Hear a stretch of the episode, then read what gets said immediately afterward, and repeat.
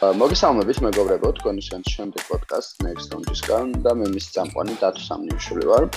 დღეს საუბრობთ მედიაზე და ტექნოლოგიებზე, ანუ მედიის ერთგვარ ევოლუციაზე, თუ როგორ დაიბადა ის, როგორ განვითარდა და როგორია ის დღეს, ანუ როგორ შეიცვალა და როგორ აუღო ალღო შეიძლება ითქვას თანამედროვე ტექნოლოგიებს, ციფრულ სამყაროს და ასე შემდეგ. და ამასთან ერთად, რა თქმა უნდა, აქტუალ აქტუალობას რომ არ დაკარგოს ჩვენმა თემამ და დღეს შეიძლება ითქვას ყველაზე აქტუალური თემაც ეს არის. ა თუ რა რა შვება მედია ისეთი კონფლიქტების დროს, როგორცაც როგორც დღეს არის ა რუსეთის აგრესიის ფონზე. მოკლედ ამ რაღაც თემების გაერთიანებას და ერთმანეთთან დაკავშირებას შევეცდებით დღეს. ამ თემას სასაუბრო ჩვენთან ერთად არის გიორგი გოგუა, ჟურნალისტი და მედია ჩეკერის რედაქტორი. გიორგი, გამარჯობა, როგორ ხარ? სალამი დავით. თავად როგორ ხარ? აუც მეც აი არამიშავს იმის ფონზე რაც ხდება ჩვენს გარშემო. მეც ავცილობ. აა მეტნაკლებად კარგად ვიყო. აა მოდი მაშინ დავიწყოთ ხო რაღაც მე მინდა რომ დღეს მაინც აქცენტები გავაკეთოთ იმაზე თუ რა ხდება უკრაინაში ეს რუსეთის აგრესიაზე, მაგრამ აა თავში ალბათ კარგი იქნება თუ იმით დავიწყებ თუ აი ზოგადად მედიის მედიაც რო აუხსნათ ალბათ ჩვენელს და ინტერესოს და საერთოდ აი როგორ მოვედით აქამდე ხო მედიამდე და რა რა რა რა ფორმების სულება რა ევოლუცია განიცადა ამან აი ისე დავიწყოთ. ხო, ანუ სულ ამბობთ ხოლმე, რომ დღეს სულ ამბობთ, რომ აი მედია არის ყველაფერი ინფორმაციის გავრცელების საშუალება და რატომღაც ყველა მედიას რაღაც ასოცირებს მარტო ჟურნალისტიკასთან და თვალდაგრეთ არ არის. მედია იყო ყოველთვის და დღემდე არის და ყოველთვის მოიაზრებდა იმას, რომ ინფორმაციის ერთი ადგილიდან მეორემდე მიწოდება იყო, ხო? მაგრამ ნუ ეს ფორმებს იცვლიდა ყოველთვის, იმიტომ ანტიკური პერიოდიდან არსებობს ხო მსგავსი მედიები. ა სულ მედია შეიძლება უწოდოთ, შეიძლება კლასიკურად მედია არ არის, მაგრამ რა ვიცი, ფორუმები რო იყო, ხო, რაღაცა ქალაქის ცენტრში, სადაც ვიღაც ადამიანები ფორუმები კი არა, მოიცა რა სიძახდნენ. რაც გამოდიოდა ეს ხალხი და დგებოდნენ და ამ რაღაცა ძველ საბერძნეთში. აა ფუ, დამავიწყდა. რაღაც ბაზრის ადგილი თუ რაღაც ეგეთი მოკლედ, როგორი ფორუმი მოკლედ. შეგვიძლია დავგუგლოთ ეგ სახელწოდება და მოვიტანოთ. მაგრამ ყოველ შემთხვევაში იქიდან, როდესაც აი ეს რაღაცა კულტურა გაჩნდა, რომ ვიღაც ადამიანები იკრიბებოდნენ, რომ სხვა ვიღაცისთვის მოესმინათ, რაღაცა ამბები გაეზიარებინათ, რეალურად ეგეც შეიძლება მაშინ და მედია ჩავთვალოთ. მედია შეიძლება მაგალითად ჩავთვალოთ ისიც, რომ აი ეს ბალადები რო ვრცელდებოდა, ხო, რაღაც საგბირო პოემებს რო წერდნენ და მე გადაეცემოდა ეს ხალხს, ხო, რეალურად ეგ იყო რაღაც ინფორმაციის გავრცელების საშუალება. ნუ ბუნებრივია ხა ეგ ინფორმაცია არ იყო დახვეწილი და იცვლებოდა და ნუ რაღაც ამბები ლეგენდებად იქცებოდა თუ თავიდან ლეგენდები არ იყო, მაგრამ ნუ ყოველ შემთხვევაში ეგ იყო თავიდან, მაგრამ ნუ თანამედროვე მედია რეალურად დღეს როგორი მედიაც გვაქვს პრინციპში არის თავარი დამსახურება იოჰანეს გუტენბერგის, ხო, რომელმაც გამოიგონა სტამბო. საბჭოთი მანქანა, რომელსაც მე საშუალება მოგცა, რომ ინფორმაცია უკვე ბევრად მარტივად შეგვექნა და შემდეგ ბევრად უფრო მარტივად გამოვრცელებინა, ხო? რაღაც წყაროები არსებობს, რომ თითქოს რაღაც საბჭოთი მანქანები, საბჭოთი ტექნოლოგიები მანამდეც არსებობდა სოფლიოში, მაგრამ ნუ ყოველ შემთხვევაში მასობრივი ხარსიათი ამან რაღაც მე-15 საუკუნის მერე მიიღო, როდესაც აა ეს სტამბა გამოიგონეს და რეალურად აი სანამ გადავალთ იმავე ინფორმაციის ზოგადად გავრცელების გზებზე ყოველთვის ინფორმაციის გავრცელებას და ინფორმაციის ღირებულებას განაპირობებდა მისი გავრცელების სისწრაფე, ხო? იმიტომ რომ თუ თავიდან თქვა ზეპირი გზებით გადაიცემო და მე თქვა ხელნაწერი გზებით გადაიცემო და რაღაცები ამ დრო ჭირდებოდა ხოლმე. და ამ დროს დროის დრო მოგვაგებინა პირველად აი უბრალოდ საბეჭდმა მანქანა მოცა აღმოჩნდა რომ ერთი და იგივე ტექსტი შეიძლება რავი დაბეჭდო ბევრ ეგზემპლარად და მე გავცელო რამდენი ძგინდა იმდე. და ამან რეალურად პირველი გაზეთები შეიქმნა იმიტომ რომ არსებობდა სტამპა და შემდეგ შეაძლებელი გახდა რაღაც ამ ინფორმაციების თავმოყრა და გავცელება ну თავისთავად ეს ინფორმაცია ანუ რეალურად ინფორმაციის გავრცელების ამ წარმოუდგენელ სისწრაფეს მივაქციეთ ბოლო 10 წელი ალბათ რაც სოციალური მედია აქვსებობს მაგრამ აი ეს აჩქარება დროის არის ну ალბათ უკვე ალბათ რა უკვე ანუ ელექტროენერგიის და ინფორმაციის ტალღებით გადაცემის გამოგონების შემდეგ, როცა თქვა რადიო ტალღები აღმოაჩინეს, რადიო შექმნეს, რადიო და მე ტელევიზია შექმნეს, ტელევიზია მე ინტერნეტი შექმნეს, ინტერნეტმა მოიტანა სოციალური მედია და საბოლოოდ მოვიდით აქაც. ძალიან საინტერესო ამბავი არის აა როიტერი დღეს ერთ-ერთი წამყვანი საინფორმაციო სააგენტო რაც არის. ეგ და ნუ საინფორმაციო სააგენტოების მთავარი აზრი რა არის ხო რომ აა ინფორმაცია გავრცელოს რაც შეიძლება მოკლედ და სწრაფად, აი ძალიან მშრალად რაღაცა მოხდა და ავრცელებენ და მთელი პლატფორმები არსებობს ამის, რომელსაც თქმა აქვთ მედიებს, აი რაც იღებენ ამ ინფორმაციას და შემდეგ ნუ ამაზეა დამოკიდებული რამდენად სწრაფია. და პირველად როიტერი, როდესაც შეიქმნა, ანუ მისმა შექმნა ძალიან საინტერესო იყო, რომ თუ სწორად მახსოვს რომელიღაც ევროპაში რომელიღაცა ომზე თუ ამერიკის სამოქალაქო შეიძლება ხავთ სტები წლებში მაგრამ ყოველ შემთხვევაში ამბავი ის იყო რომ ევროპიდან ამერიკაში ტიპმა მიაგო იმ გზას რომ ტრედებით გზავნიდა ინფორმაციას რა ანუ იმას ატანდნენ ან ხვდები მაშინ ეგ იყო ინფორმაციის გავრცელების ყველაზე უფრო სწრაფი გზა რომ ერთი კონტინენტიდან მეორე კონტინენტამდე ეს ინფორმაცია მიგეტა. აა და ანუ ვითომ ხო ახლა გვეცინება რა არის, მაგრამ ხო როგორი ნელ როგორ ნელა ვრცელდებოდა ინფორმაცია, ხო? და მან ძალიან მნიშვნელოვანი არის ინფორმაციის სიზუსტეც, ანუ გავრცელების ტექნოლოგია განსაზღვრავს მის სიზუსტესაც. ეხლა ლაპარაკობ იმაზე, რომ ძალიან სწრაფმა გავრცელება პირიქით მოკლა ეს სიზუსტე, მაგრამ ყოველ შემთხვევაში, როდეს ერთი არო ინფორმაციას თქვა ერთი კაციდან მეორე გადაცემ მეორე მესამეს და ეს რაღაც გაფუჭებული ტელეფონის პრინციპი რაღაცები აკდება, რაღაცები იმატება და საბოლოო ჯამში პირველ წყაროდან ბოლომდე მიდის სხვა ინფორმაცია ხოლმე ან შეცვლილი ინფორმაცია. და ამ შემთხვევაში შენ თუ ერთი ხაზი გაქვს, ხო, რომლითაც ამ ინფორმაციას უშვებ, რეალურად ეგ ინფორმაცია ზუსტად იმავე ფორმით მიდის ადრესატამდე, რა ფორმითაც ის შეიქმნა.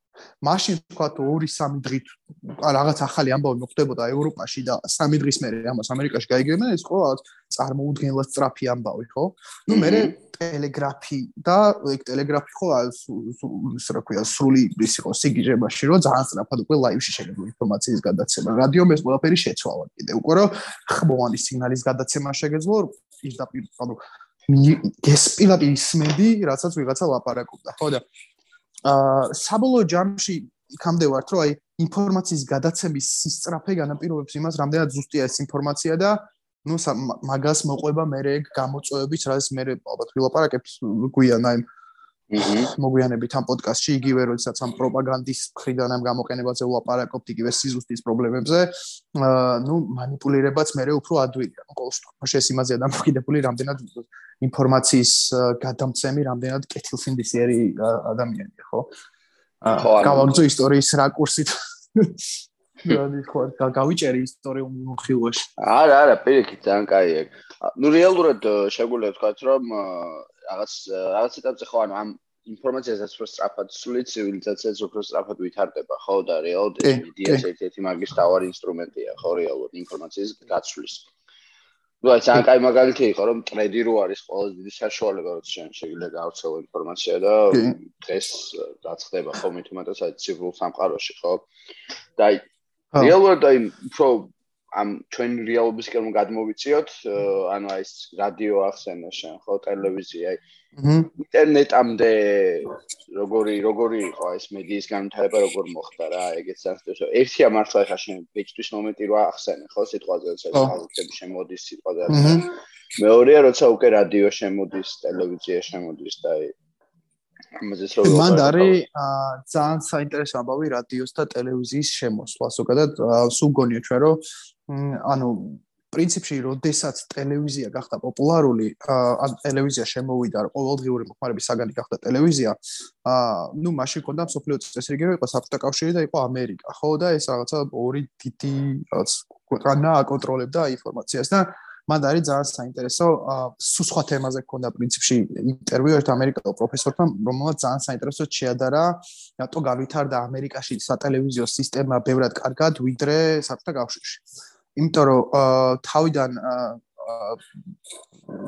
მან რა ქვია საბჭოთა კავშირში ტელევიზია კონტროლდებოდა ბუნებრივად სახელმწიფოს მიერ, სახელმწიფო არქი იყო. და თავიდან ზოგადად ანუ მედია იყო სახელმწიფოს ფლობაში. ამერიკაში პრინციპში ეგრე იყო, იმიტომ რომ ინფორმაციის გადაცემის საშუალება რადიო ტელევიზია იყო საფოსტო რაღაც დეპარტამენტის კონტროლ ქვეშ.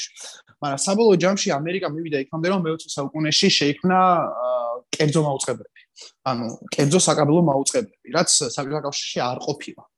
და ამან რეალურად შეუწყო ხელი იმას, რომ კერძო საკაბელო მაუწყებლები, ну, ერთი მხრივ იქ ბევრი პრობლემები შეიქმნა ასევე, რა იქ თუნდაც იმან რომ რეკლამამ შემდეგ რეალურად დააკნინა ინფორმაციის მნიშვნელობა და ასემდე და გააფუჭა ერთი მომენტი პრობლემები შექმნა იგივე ამერიკაში ამანაც თუმცა გამოიწვია იქ რომ შეიქმნან დამოუკიდებელი ინფორმაციის გამავრცელებელი საშუალებები რაც პრინციპში საბჭოთა კავშირში არ ყოფილა რა. რეალურად ტელევიზიის შექმნა ალბათ ერთ-ერთი უდიდესი გარდატეხა იყო ინფორმაციის გავრცელების კუთხით გუტენბერგის შემდეგ იმიტომ რომ რეალურად მანამდე ინფორმაცია ვრცელდება რა ხო ანუ არავიზუალური გზით ანუ იყო ტექსტი იყო რადიო ნუ ფოტოების დაბეჭდა იყო ასევე შესაძლებელი გაზეთებში კი ბატონო მაგრამ მოძრავმა გამოსახულებამ ანუ ტელევიზია მოიტანა სულ სხვა განზომილება რა ანუ ალბათ პირველი შოკი იყო ადამიანებისთვის რა იმიტომ რომ აი ხა სულ ამბობთ ხოლმე ხო აი აი ხა ვერ ვიძებ მაგას აი რეალოდ ვერ ვიაზრებთ იმიტომ რომ ანუ ეხა წარმოიდგინე შენ ან ტელევიზორ შენთვის და ჩემთვის ძალიან ჩვეულებრივი ამბავია მათ შორის იმის იმისა გვისმენს და ანუ შესაბამისად მაგას უკვე ძალიან ჩაობ რაღაც იღებს რომ წარმოიდგინო ადამიანი რომელსაც გავს არაფერი არ უნახავს და უცებ რაღაც ხუთი რთვება და შიგნიდან. ადამიანები ესაუბრებიან ანუ რა ან ძალიან ძალიან წარმოიდგინე ანუ აი დღეს ტელეპორტაცია ტელეპორტაცია მოახდინა რაღაც ეგეთი არის რა ჩემთვის უცებ იცი შორს რატომ მიდიხარ? ანუ ტელეპორტაცია რადგან მეტავერსი ჩემთვის იგივე იქნება რა ალბათ როდესაც ინფორმაცია მეტავერსში გადაინაცვლებს ანუ იგივე იქნება. სუ ფიქრობდი რა რომ ანუ უბრალოდ ადამიანი რომელსაც მხოლოდ პრესა ნახა მაგისტვის ეგრევე ტელევიზიაზე გადასვლა არის ძალიან რთული რა ადაპტაცია ძალიან რთული არის. აი ჩვენი მშობლების თაობა რო წარმოვიდგინოთ მათთვის smartphone-ებზე გადასვლა იყო ძალიან რთული. მიუხედავად იმისა რომ ადაპტაცია მათაც განიცადეს დღეს მაგრამ ის რომ უბრალოდ ანუ მობილური ტელეფონი მათთვის არ იყო პრობლემა იმიტომ რომ პრინციპში იგივე ტექნოლოგია იყო რაც ჩვეულებრივი ტელეფონი უბრალოდ არ ქონდა კაბელი ხო აა ტელევიზიას, ტელევიზიის და პრესის ეპოქაში იყვნენ გაზრდილები და უცებ შემოვიდა smartphone-ი, შემოვიდა ინფორმაცია smartphone-იდან ინტერნეტში და უცებ იყვნენ სულ სხვა რეალობაში აღმოჩნდნენ და ძალიან გაუჭირდათ ამის შეგუება. აჰა ჩვენ პრინციპში ვნახეთ თქვა ტელევიზორ ჩვენ უფრო ეს ციფრული digital native-ები ვართ, ხო? ციფრული ადგილ მოსახლეები ვართ ჩვენ უფრო რა ჩვენი თაობა. და მიუხედავად იმისა რომ მე პატარა ასაკში მაგალითად ვაფშე არ ქონდა ინტერნეტი. ჩვენთვისაც ასევე ანუ რეალურად ჩვენთვის ინტერნეტი დიდი დოზით ჩემ ცხოვრებაში შემოვიდა. აა 17 წლის რო ვიყო მართლა მანამდე კომპიუტერი ქონდა მაგრამ ინტერნეტი არ ქონდა მაგრამ ნუ ყოველ შემთხვევაში რაღაცა ანუ ანუ რაღაც ეთყობა რაღაცნაირად უფრო მარტივად გამითარეს ეს ადაპტაცია, იმიტომ რომ ეგ შეგვეძლო რაღაცნაირად უფრო მარტივად ხვდებოდი თამას რა. და სულ ფიქრობდი რომ სულ ფიქრობდი რომ აი ჩვენი თაობისთვის რა შეიძლება აღმოჩნდეს ისეთი, რომ აა მე ისევე გამიჭirdეს ადაპტაცია აი მაგ ტექნოლოგიასთან, როგორც ჩემშობლებს გაუჭirdა თქვა smartphone-ებთან და სოციალურ ქსელთან. და ფიქრობ რომ ალბათ მეტავერსი იქნება ეგ. მაგრამ ნუ იქნება ისეთი ტიპები ჩვენერი ტიპები რომლებსაც მაინც მეტნაკლებად უფრო ტექნოლოგიური ტიპები ვართ და გვაინტერესებს და ამ შემდეგ. ალბათ უფრო მეტად აუღებთ ალბოს მაგრამ ყოველ შემთხვევაში ეგ არ იქნება მასიური და უფრო მეტად მიუღებლობა იქნება ალბათ ამ მეტავერსის მიმართ. ვიდრე ამ ანუ რეალურად ინფორმაციის მიღების კუთხით. ისიც არა რომ აი თქვა მე არ მინდა და რაღაცა არ ვაღიარ მეტავერს არა.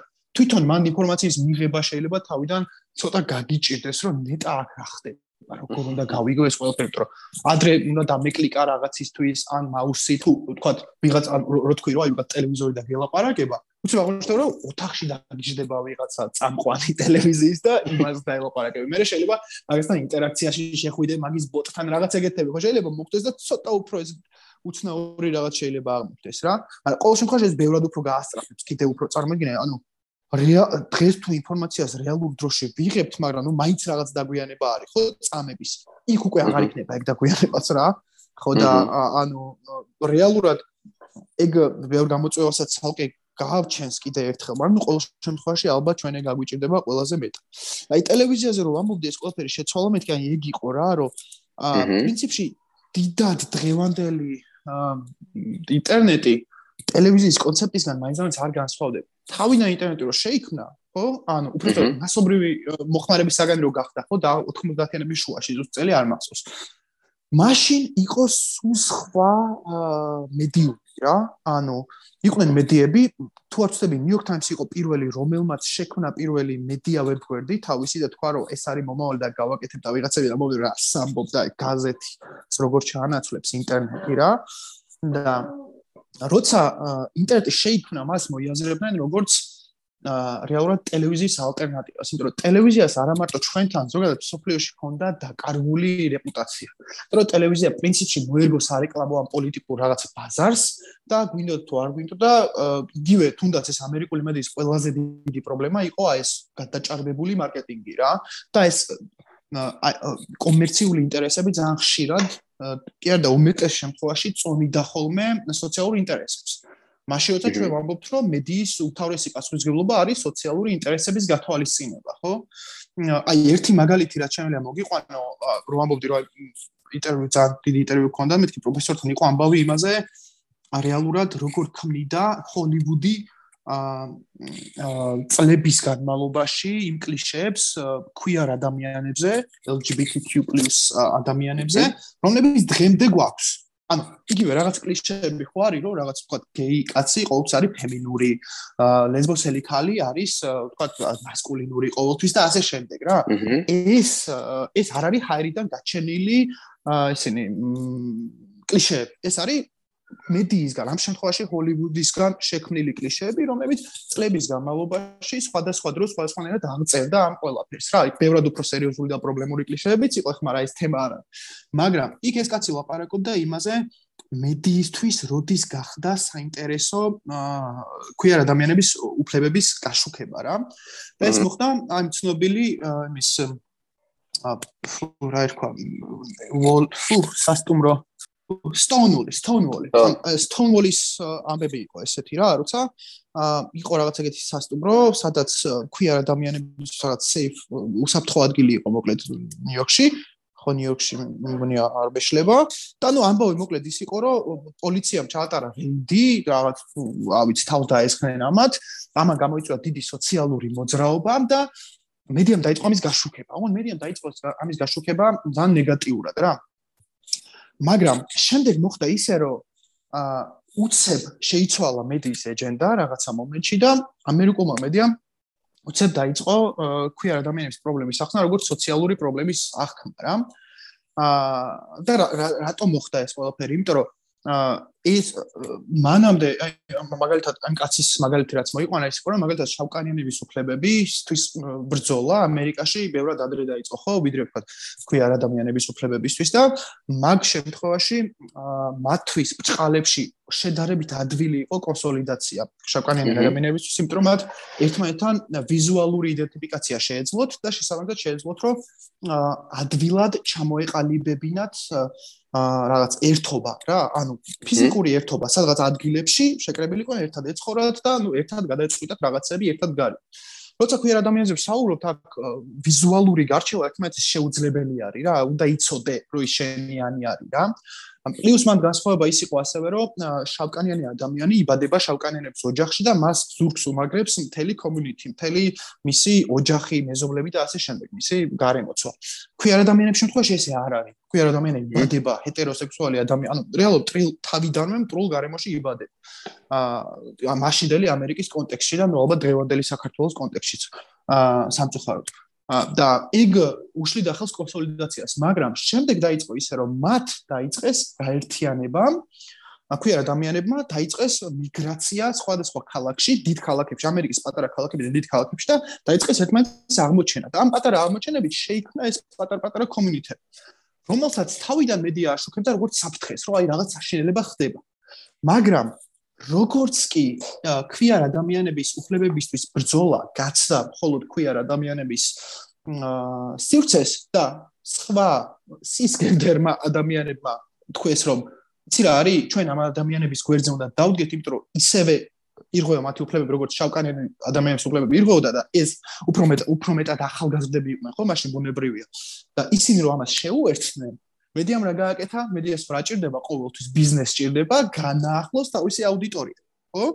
და როგორც კი აღმოაჩენს, რომ ახალგაზრდული სექტორი აქ გადაერთო, ნელ-ნელა იმატებდა, როგორც კი ეგ დაინახეს, რომ ჩვენ თუ ეხა ამას გავაშუქებთ, აა უკვე მოვიგებთ ახალგაზრდა აუდიტორიის გულს, ის ზუსტად მაგ პერიოდში შემდეგ დაახლოებით ის ხდება ამერიკაში 60-იანი წლების ბოლოდან, სადღაც დაიწყო ქვიერ უფლებებზე კონცენტრაცია, არა ქვიერ ადამიანებზე როგორც საფრთხეზე, არამედ მათ მათზე როგორც მათ სოციალურ პრობლემებზე საუბარი დაიწყო.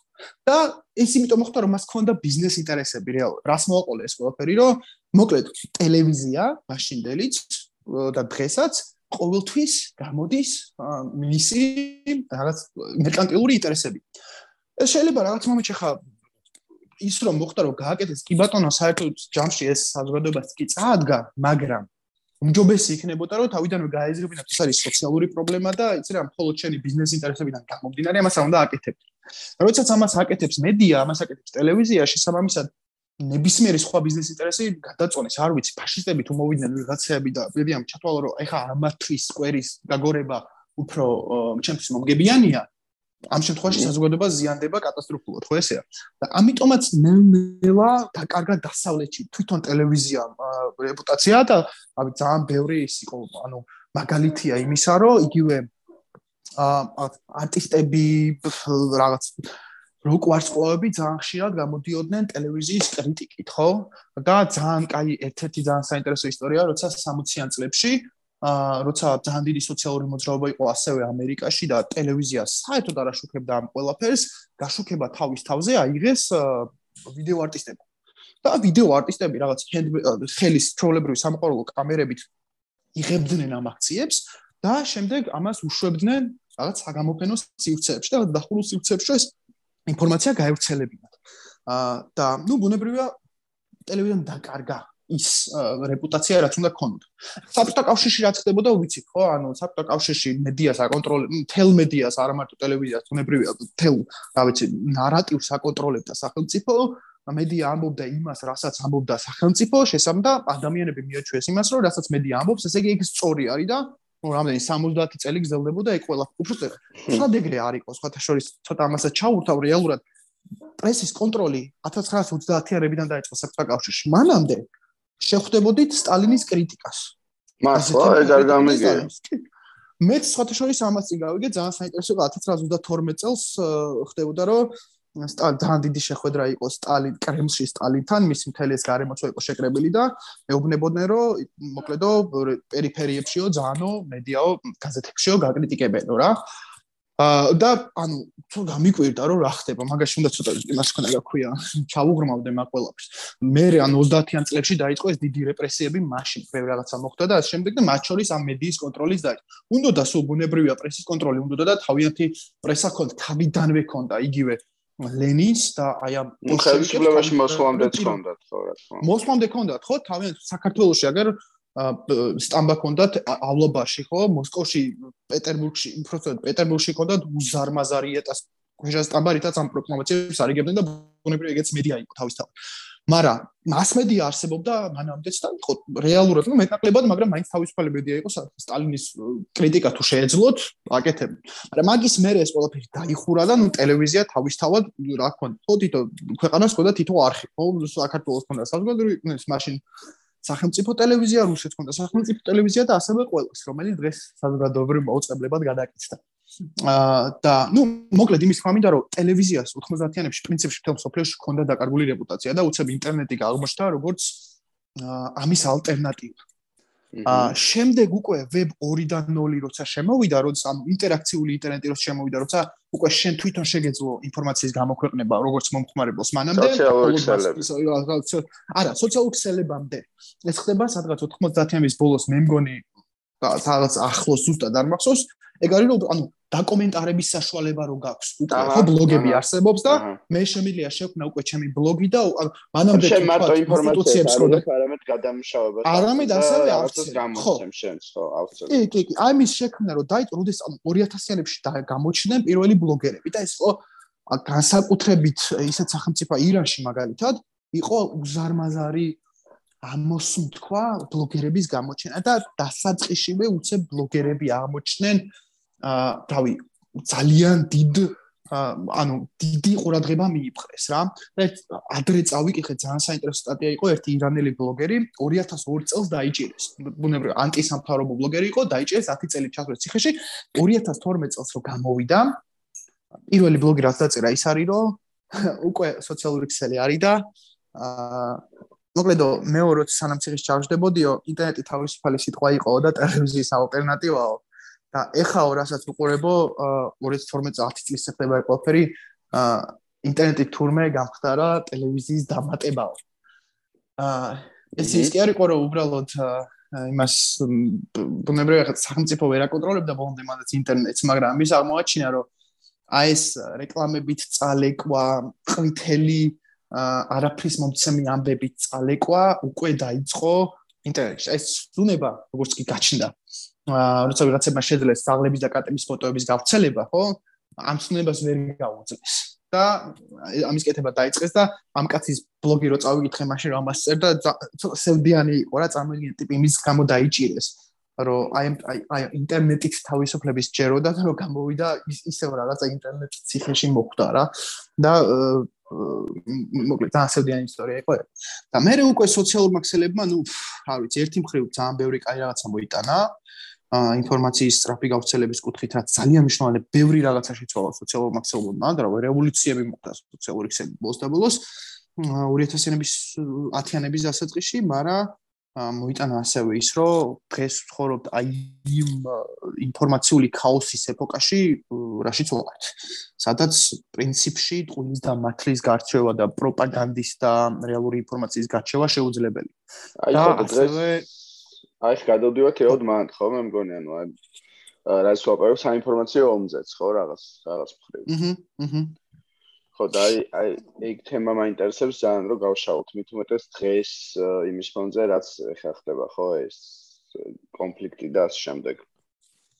ან დღეს არის ალბათ მე მგონი ალბათ უკრაინის კონფლიქტი არის ჩვენთვის ყოველ შემთხვევაში უფრო ესე დასალური საზოგადოებისთვის, ну, მეტნაკლებად რამდენად ჩვენ მას ვეკუთვნით, ყველაზე კაი მაგალითი აი ამ საინფორმაციო ომის, აი ესეთ აი ესეთი აშკარა საინფორმაციო ომის.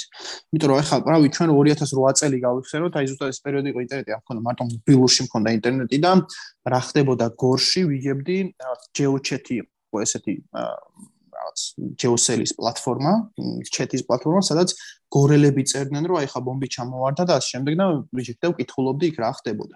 მაშინ როცა პრინციპში მაშინ ტელევიზიის გას მაინც ბევრს ვაფშე ვერ გაიგები.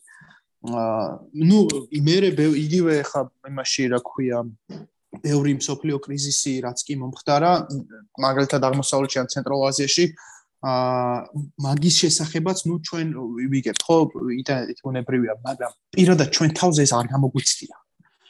აი მაშინ როცა აი რუსეთსა და უკრაინას შეეხო ეს ყველაფერი ეხ არის ძალიან ნათელი იმიტომ რომ პირველ რიგში ნუ რაც ეხება უკრაინას გვეხება ჩვენს დაუდ და რუსული საინფორმაციო პროპაგანდა ისევე მუშაობს საქართველოს როგორც მუშაობს უკრაინაში და ნუ დღეს მთელ მსოფლიოში პრინციპში ეს რუსული საინფორმაციო არხები სატელევიზიოების და ინტერნეტის სატელევიზიო არხების ფუნებრივია ხო ინტერნეტით ავრცელებენ ამ ინფორმაციას იმიტომ რომ მსოფლიოზე ხო ORT-ს როგორც ტელევიზიას არ აქვს მსოფლიოზე წვომა არც NTV-ს ხო? არ მაგრამ შეუძლია რომ ინტერნეტით გაავრცელოს მთელი ეს პროპაგანდისტული ინფორმაცია, რასაც აკეთებენ. ამას არც მალავე პრინციპში. იგივე ეს როსკომნაძორი რაც ყავს, ეს რაღაც მარეგულირებელი უკრაინი რუსეთის ამ ინფორმაციის მარეგულირებელი, ომის პირველივე დღეს თქვა, რომ აა ყველა მედიას, მათ შორის რუსეთის თავისუფალ მედიას, რომელიც არსებობს რუსეთში, აა მიწერეს, რომ დაიყრდენით მხოლოდ რუსულ ოფიციალურ წყაროებს ომის გაშუქებისას და საერთოდ ომი არ ახსენებს. ანუ სიტყვა ომი არ არის, ეს არის სპეცოპერაცია. და ანუ ჯარი მევით დაებუქნენ ჩაოლებრივად და გუშინ გავრცელდა ასევე ინფორმაცია რომ რეალურად მე მგონი ყველა მოქალაქის უკვე მოუწევს რომ ვინმე თუ გამოვამი წინააღმდეგ პირდაპირ არ ვიცი რამდენად სწორია ეს ამბავი ესეც ეგ არის რა სიმართლე გითხრა არ გადამიმოწმებია ტვიტერზე ნახე ეგ და პრინციპში უბრალოდ არ გამოვრიცხავ მოუწოდეს ხალხს რომ ისაო მინსკი გამო შეიძლება მოკლედ ანუ სამშობლოს ღალატის მუხლით გადასამართლებთო რა. აა მაგრამ შორს რატომ მივდივარ? ძალიან საინტერესო ამბავი იყო დღეს რომ ჩემი ბიძაშვილი რომელიც ცხოვრობს რუსეთში აა მიზავნის რაღაცა ტექსტ რომელიც რომ მისმა მეგობარმა ჩაუდა რაღაც 60-იანი 80-იანი ტექსტია რომელსაც როგორც ჩანს იქ ესე ხოიცა ეს რო არის ხო გაუზიარი 10 კაც თორე რა უბედურება შეგემთხოვა რაღაც ეგეთი ტიპის ტექსტი არის რომელსაც როგორც ჩანს ეს ეხა უკვე ეს ხალხი ავრცელებს და დიდი ალბათობით ეს რაღაც ცენტრიდან კრემლიდან მოდი დიდი ალბათობით და ამ ტექსტში წერია ის რომ სულ ერთია პუტინი გიყვარს თუ არ გიყვარს კი კი ომი ძალიან ცუდია თუმცა აი წაგება კიდე უფრო ცუდია და ჩვენ მხარი უნდა დაუჭიროთ ეხლა ჩვენს იმას რა ქვია არმიას და გამარჯვება აუცილებელია ნებისმიერი გზით მათ შორის ეგ ძალიან საშიშია მათ შორის იმაზე უფრო მძიმე თუ აი კაცრი გზებით რაც პუტინმა გუშინ ახსნა ცენა ხო გასულს გუშინ დღეს არის 28 თებერვალი ან 27 თებერვალს როცა გამოვიდა და თქვა რომ მინიშნება ყოველ შემთხვევაში ბირთულობზე ატომურ შეერაღებაზე ანუ რეალურად მანდაც მაგ სიტყვებით რომ მათ შორის ამითაც ანუ ნებისმიერ ფასად გამარჯვება იმიტომ რომ ჩვენ თუ ეხა არ გამარჯვეთ ეს თქვენ ხალხზე აისახება პირველ რიგში. და ნუ ბუნებრივია იქ მოდის იმასე რომ აი დასავლეთის სანქციებს რო გვიწესებს ის თქვენ გეხებათ და თქვენ დაგერხევათ ამის გამო და ისინი არიან ცუდები. და ეს არის ჩაოლებრივი მედიაგეც ხო? ანუ უბრალოდ ვრცელდება ინბოქსში, მესენჯერის, ერთი მესენჯერის ანგარიშიდან მეორე ანგარიშზე და რა მილიონობით ადამიანი ამას კითხულობს. და ამას ძალიან კარგად იყენებენ, ძალიან კარგად იცის ყველაზე მეტად ამ ავტორიტარულმა სახელმწიფოებმა ყველაზე კარგად იციან როგორ გამოიყენო ინფორმაცია, იმიტომ რომ იციან რომ თუ შენ ინფორმაციას აკონტროლებ, აკონტროლებ პრინციპში ყველაფერს. ხო? და მაგით ანუ რეალურად ყველა ხო მაგით იწებს, რომ დავაკვირდეთ რა, ანუ ტექნოლოგიის კონტროლი, საინფორმაციო ტექნოლოგიის კონტროლი არის პირველ რიგში საფუძველი იმისა, რომ შენ როგორც ავტორიტარულმა სახელმწიფომ გაიმარჯვა. აა რუსეთმაც იგივე დაიწყო, ხო? ეს საინფორმაციო ომი ომის დაწყებს არ დაწყებულა, ეგ აა ხონდა ჩვენ მედია ჩეკერზე რამდენიმე სტატია ამაზე, რომ ორი დღით ადრე, სამი დღით ადრე მინიმუმ აა რუსული ეს პროპაგანდისტული არხები უკვე საუბრობდნენ იმაზე, რომ აი უკრაინაში არის ნაცისტური რეჟიმი და დონეცკში და ლუგანსკში ითხოვე ხალხი ითხოვს რაღაც დახმარებას და ჩვენ მათ უნდა დავეხმაროთ. ხო, ნუ იგივე სიტყვებს იზარხის ორდრეში პუტინი. ის პროპაგანდა იყო რეალურად რაც ააწყო ხო მთელი ეს აგრესია პუტინი რეალურად. კი, ზუსტად, მაგრამ აი ხალხი შეამზადა ამას. ეს ხო გუშინ და დღეს არ დაწყებულა, არც ომამდე სამი დღით ადრე არ დაწყებულა. ეს იწყება 2014 წლიდან. მინიმუმ, როდესაც მათ დაიწყეს ანუ სადეს კონტროლის ანუ უკლედ შეიჭრნენ უკრაინის ტერიტორიას, ხო? და ეს არ ხდება მარტო უკრაინაშიც. ძალიან საინტერესო არის მაგალითად სეპარატიზმი იგივე ხო გვაქხოლმე აი მეგრელების სეპარატიზმი მაგალითად, ხო? და ჩვენ გვეუბნებიან რომ ეს არის მასობრივი ამბავი. არ არის მასობრივი ამბავი, მაგრამ არსებობენ ადამიანები, რომლებიც პირდაპირ ამ სეპარატისტურ ნარატივს აწვევიან, საუბრობენ იმაზე, რომ აი მეგრელები არიან თქვა რაღაცა გამორჩეული ხალხი, ისინი არ არიან ქართველები, გურია არის რაღაცა სამეგრელოს ბანძი დამატება, ესეც შუღლის გაღვიობა ბუნებრივია და ვიღაც ამას ყურადღებას აქცევს. და ეს ნარატივი არ არის დღევანდელი ასევე რა წლების განმავლობაში გროვდება და შემდეგ შენ თუ აი ამ ინფორმაციას აკონტროლებ, შენ თუ იცნობ ანუ მე ხო ვიცი ჩემი აუდიტორია, ვისაც მინდა მივწვდე, ხო? მე ხო ვიცი ის ინფორმაციას როგორ იღებს. მე ხო ვიცი როგორ უნდა უყვებო შესაბამისად ამ ინფორმაციას და ჩვენზე კარგად იციან მათ. ეგ ანუ ჩვენ ამ შემთხვევაში გულისხმობ პატიოსან ადამიანებს, რომლებსაც გვინდა ინფორმაცია გავავრცელოთ და არა პროპაგანდა, ხო? მაგრამ პროპაგანდამ ბევრად უფრო კარგად იცის თავისი აუდიტორია და მას პრინციპში ბევრად უფრო დიდი აუდიტორია ყავს. და ეგეც მარტივია, სულ არის ხოლმე, რატო ვრცელდება პროპაგანდა უფრო სწრაფად, რატო ვრცელდება ტყუილი უფრო სწრაფად. რავი, რატო ჯერა ზოდიაკოსი ხალხს, ან რატომ არის ზღაპრები ბევრად პოპულარული, ვიდრე რა ვიცი, ნებისმიერი სამეცნიერო ნაშრომი. მაგის კაი მაგალითად ზღაპრები. ხო, სამეცნიერო ზღაპარსო შეადაი, ასტროლოგია და ასტრონომია რო შეადარო, მაგ სტატიებს წერდი ადრე და რავი 1000 ჯერ და 10000 ჯერ მეტი დასერჩო აქვს და Google აქვს ასტროლოგიურ თემატიკაზე ვიდრე ასტრონომიას. შესაბამისად მოთხოვნაც 100000 ჯერ უფრო მეტი არის სიტყვაზე ამას. ეგა ის გართობს ის გულს ფხანს ის იმას გეუბნება ისი გაგონებაც გინდა შეიძლება პირდაპირ არიცი რომ გინდა მაგრამ აი ქვეცნობიერად მაინც აი რაღაცნაირად ჩენზე მოქმედებს რა. და ეს მაგათმა იციან ძალიან კარგად და დღეს ამ სოციალურ ქსელზე უფრო კაი საშუალება მაგის რა არის ხო? არც ლიცენზია გჭირდება აფირი არ გჭირდება ნებისმიერი ვიღაცის შექმენი გვერდი და გაავრცელო ალტიფო სამგრეში ერთხელ აკეთებს გვერდებს ხო? აი ომის პირველ დღეს 24-ში აა დილას ჰქონდათ გაკეთებული აკაუნთი და უკვე რაღაც რამდენიმე 1000 ფოლოვერი ყავდათ. რომელიც ასევე დაიბლოკა ამ დღეებში. აა ძალიან მიხარია ეგ აბა. და ეგ არის სოციალურ მაქსელმა ეგ მოიტანა ინფორმაციის გავრცელება დიდი, მაგრამ ასევე აი რაღაც უზარმაზარ ნაკაჩი საბოლოო ჯამში დაიკარგა ინფორმაციის ღირებულება. ანუ დიდი ინფორმაცია გაქვს არჩევანი დიდია, შესაბამისად გიჭერს გაფილტრო, ხო, რაღაც თომის მაგასაც ამბობ. კი, კი, ეგ არის და აი სულ ამბობ ხოლმე იმას, რომ აი ბევრი კამპანიაა ხო ამ ცოტა სხვა თემაზე გადავდივარ, მე მგონი რა ძალიან ხშირად არის, რომ ამ პრინციპში არ არის სხვა თემა, ტექნოლოგიების ამბავია, რომ აი, რავი, წლებია უკვე რაც ეს დეзинფორმაციას პრობლემა რეალურად დადგა სამაზე, რა ქვია. აა, დღის წესრიგში წლებია რომ ბევრი ორგანიზაციას არასამთავრობო ორგანიზაციების ალჩობი და ამ შემდეგ ძალიან დიდ ფულს ყრიან იმაში რომ მიხდიან ყრიან ცუდი სიტყვაა. იმაში რომ მოდი ჩვენ ახლა აუდიტორიას ვასწავლოთ როგორ მოიხმარონ ინფორმაცია კარგად, როგორ გადაამოწმონ ინფორმაცია კარგად და ასე შემდეგ და იქ ბევრი ხელსაწყო არსებობს, ხო? იქ რა ვიცი, ფოტოების შემოწმება, როდის არის გადაღებული საერთოდ რორცელდება, როგორ არის და ასე შემდეგ და ასე შემდეგ. ანუ ბევრი სხვადასხვა ისა რა ქვია, ინფორმაცია არსებობს და ინფორმაციის გადამოწმების რაღაცა წესებიც არის, ხო? იქ რაღაც პირველ წყარო უნდა მოწმდეს და ასე შემდეგ. რასაც სულ ამბობ ხოლმე, რომ ჩემთვის ეგ არის წყალში გადაყრილი ფული ძალიან მარტივ მიზეზის გამო. შენ, ანუ ის ადამიანები, რომლებიც ინფორმაციას ეს რო ინფორმაციაზე წამოეგებიან, ბევრად მეტნი არიან, ვიდრე ისინი, რომლებიც მოწმებენ ამ ინფორმაციას. და ეს არა, რომ ისინი ცუდი ტიპები არიან, არ არის ეგრე. უბრალოდ ჩვეულებრივი ამბავია რა, რაღაცებს იჯერ, როგორც წინაზე ვამბობდით რა, ვიღაცა შენ თმა ნაცნობმა რაღაც გავცელა, შენ იმ ადამიანს ენდობი და პრინციპში არავინ არაზუსტ არ დაკარგავს დროს, არც არავის არ აქვს დრო, ვიღაცა დაღლილ ინჟინერს სახში მოსულს არ აქვს დრო, რომ ეხა დადეს რაღაცები გადაამოწმოს. ანუ პასუხისგებლობა. ხო, ხო, თქვი და მე ვეთქვი.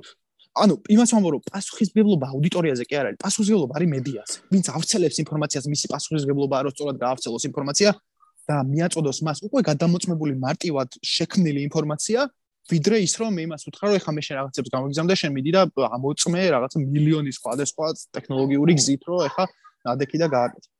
ხმები ხო შემოდის გარედან. ხო და მან და არის კიდე მან და არის კიდე ერთი მომენტი ანუ სადღაც ის ფაქტორი რა როგორ თქვა არ ვიცი. აა სუბიექტურობის მომენტი რა ანუ შენ შეიძლება იცოდე წყაროების გადამოწმებაც გეხერხებოდეს ინტერნეტის მოხმარებაც მაგრამ მაინც ის მომენტია, რომ ყველა ადამიანი მაინც სუბიექტურადაა განწყობილი. ამიტომ ეს დღევანდელი ხა ეს კონფლიქტი რაც ხდება და ეს რუსეთის აგრესია უკრაინის მიმართ და ამ შემდეგ ანუ რაც არის ხო? მაგის მაინც კარგი მაგალითია, იმიტომ რომ გასაგებია ეს რუსული დეзинფორმაცია, რუსული საინფორმაციო, მაგრამ მეორე მხრივ, ანუ ეხლა ჩვენ ვართ ხო სუბიექტურები ამ შემთხვევაში, ხო? ანუ ქართველი ყოველ შემთხვევაში მით უმეტეს, იმიტომ რომ შენ როგორც თქვენ პირდაპირ გვეხება ჩვენ და ჩვენი ინტერესი ესე თქვა, რომ უკრაინამ წარმატებას მიაღწიოს ხო ამ მაგრამ იც იც აქ მეორე რაღაც ხო აი მე მაგალითად ეხა რომ ვეცნობი ხოლმე ამ ინფორმაციებს სულ რაღაც ესე ვარ ახლა პულსზე მიდევს ხელი მაგრამ მაქვს ერთ შეიძლება რომ ჩემ ნიუსვიჩი მაგალითად ვერ აღწევს რუსული პროპაგანდა ერთი ეგ. არ ვიცი ან ისე შენიღმული რომ საერთოდ ვერ ხვდები მაგრამ მე ეგეც საბჭოებს ჩემს ნიუსვიჩი ვერ აღწევს. და მეორე რომ ანუ მგონია რომ ცოტა იმის აი რაღაცა ეიფორიის მსხვერპლი არ გავხდე იმის რომ ყოველს გინდა ჩემს ნიუსვიჩი განსაკუთრებით ყოველს გინდა რომ უკრაინამ რაღაც წარმატებას მიაღწიოს და ეს ინფორმაციის არა შეგნებულად შეება შეგნებულადაც აკეთებს ვიღაც შეება შეუგნებლად მაგრამ რაღაცების გაზვიადება ან იმის დაჯერება რაღაცის რომ აი ეს ისე ხდება კარგად ჩვენთვის. და რეალობა შეიძლება იყოს სადღაც შუაში. ანუ მაგალითად ის რომ რუსეთის თავდაცვის სამინისტრო ამბობდა გუშინ მე მგონი რომ ჯერ კიდევ დანაკარგები არ გვაქვს და პირობითად რომ უკრაინული მხარე ამბობს რომ პირობითად 3500 ადამიანია დაღუპული და მოკლული ხო სიტყვაზე რუსების ხრიდან ანუ აი პირობითად რომ სიმართლე შეიძლება იყოს სადღაც შუაში. ხდები რას ვამბობ? აი აქ როგორ ვართ დაცულები? გინდაც მაგ მხრივ აი გინდაც დღეს მედიის მხრივ გინდაც ქართული ტელევიზია ავიღოთ ანუ ალტიფორო ჩამოვაშოროთ ამ რეალობას. ხო ხო ყველა მაინც ვარ რაღაც ერთი იმის გარშემო ხო? გუში ვამბობდი ახლა ქართული ტელევიზია ტვიტერზე დავწერე რომ ვაიმე ნეტა ქართული ტელევიზია რას იზამს ეგრე მართლა ჩვენი ომნი იყოს შეგნით ალბათ ჯოჯოხეთი იქნებოდა რა. იგივე ის ქართული ტელევიზია რომელიც უკრაინის მხარეს არის ამ შემთხვევაში რაც სამართლიანი მგონი ამ შემთხვევაში რომ ეგრე არის აგრესორი და არის მსხვერპლი და ამ შემთხვევაში ცალსახად მსხვერპლი უკრაინა მაგრამ აა ხა ამას ვიდეო დავპოსტე რომ რაღაც ჟურნალისტი იყო აღტყინებული, ანუ ეთერში ჩაერთო ჟურნალისტი, გეგონებოდა ტრიბუნიდან მოწოდა რაღაც იმართ ხალხ. ხო და ანუ ცოტა შემზარავი სანახავი იყო ეგ ჩემთვის, რომ ანუ გასაგებია ეხლა მე მე მე ვამბობ ძალიან პირდაპირ იგივე რა ყოველთვის ვეწინააღმდეგები აი მაგალითად Facebook cover-ების და ეგეთ რაღაცების დაყენებას ვიღაც მხარდაჭერა არაზრუს არ გამიკეთები და მგონია რომ აი ჟურნალისტები ამას არ უნდა აკეთებდნენ მაგრამ დღეს მეც გავაკეთე ეგ იმიტომ რომ ამ შემთხვევაში მგონია რომ ძალიან ცალსახა რაღაცაზე ვლაპარაკობთ რა და ეგეთ შემიძლია აუხსნა რატომაც მაგრამ და იმასაც ვამბობ, რავი, 2014 წელს ვიყავი ევრომაიდანზე და იქ ვაშუქებდი, ბევრი მეგობარი მყავს უკრაინაში და მაქვს პირადი დამოკიდებულებაც უკრაინის მიმართ, იმიტომ რომ არასდროს მე მაგ ხალხისგან ცუდი აფერი არ მიგწნია რა, გინდა პირადად და გინდა ზოგადად აი სახელმწიფო დონეზე მხარდაჭერის კუთხით. მაგრამ აი ამ პათეტიკური ტექსტებით გამოსვლა და იმის მტკიცება, რომ მე მიყვარს დღეს ყველაზე მეტად უკრაინა ხალხო, და აი ჩვენ ერთად უნდა გავიმარჯოთ ეს არ არის ჟურნალისტის საქმე დავიწყოთ აქედან და ეგ არ არის მისი მოვალეობა. ჟურნალისტის საქმე არის რეალურად მართლა ადგეს და უბრალოდ გააშუქოს ამბები და კი ბატონო ამ შემთხვევაში თქვათ რომ ჩვენ ამ შემთხვევაში კი რაღაცა მხარეს ვიჭერთ იმიტომ რომ მის მიწაზე ხალხი შეიჭრა უმიზეზოდ თავს დაესხნა ხო რაც შეეხება ამ ინფორმაციის გადამოწმებას, ბუნებრივია ომია და ორი მხარის პროპაგანდა არის მათ. და ამაზეც გვეწერა რომ ვის უნდა ვენდოთ. ნუ პირველ რიგში მაინც გონია რომ ამ შემთხვევაში ჯობია უფრო დავეყრდნოთ საერთაშორისო გამოცემებს, რომლებიც ბევრად უფრო ფრთხილად აკეთებენ ამ ყველაფერს, იგივე Reuters, Associated Press, France Press, New York Times და ასე შემდეგ. უფრო ნეიტრალურ ნეიტრალურს რა, არც ისინი იჭერენ პრინციპში ნეიტრალურ პოზიციას, თუმცა მაინც უფრო დაბალანსებულად აშუქებენ. იგივე Vox ხონდა გუშინ ძალიან კარგი სტატია. აა გუშინ იყო მოთხოვნა ამერიკას და ნატოს თხოვდნენ რომ ჩაიკეტოს უკრაინის საჰაერო საზღვარი რა. ანუ უფრო საგანგებო სიტუაცია რაღაცა ეგეთი რა, რომ ჩაიკეტოსო რომ აა თვითფრინავი ზოგადად ვერ შეფრინა ხო სამხედრო თვითფრინავი დაფრინა ხო ესეა. და ახსნილი ქონდა რატომ იქნებოდა ეს კატასტროფა. და ახსნილი იყო ის რომ ანუ ჩვენ ხო ერთი ფრიდან რომ შევხედოთ უკრაინას გულშემატკივროთ რა თქმა უნდა უნდა ჩაიკეტოს საზღვარი და რუსეთის ერთ-ერთი თვითფრინავი მათ შორის სამხედრო თვითფრინავი იქ ვერ უნდა მოხვდნენ იმიტომ რომ ბომბავენ. მაგრამ თუ ამას ხელს მოაწერდა ნატო და ამერიკის შეერთებული შტატები მაშინ მას ის იძულებული იქნებოდა რომ უკრაინის ცაზე გამოჩენილი რუსეთის სამხედრო თვითმფრინავი ჩამოეკდო და ავტომატურად ჩაერთვებოდა ომში როგორც ამერიკა და როგორც ნატო.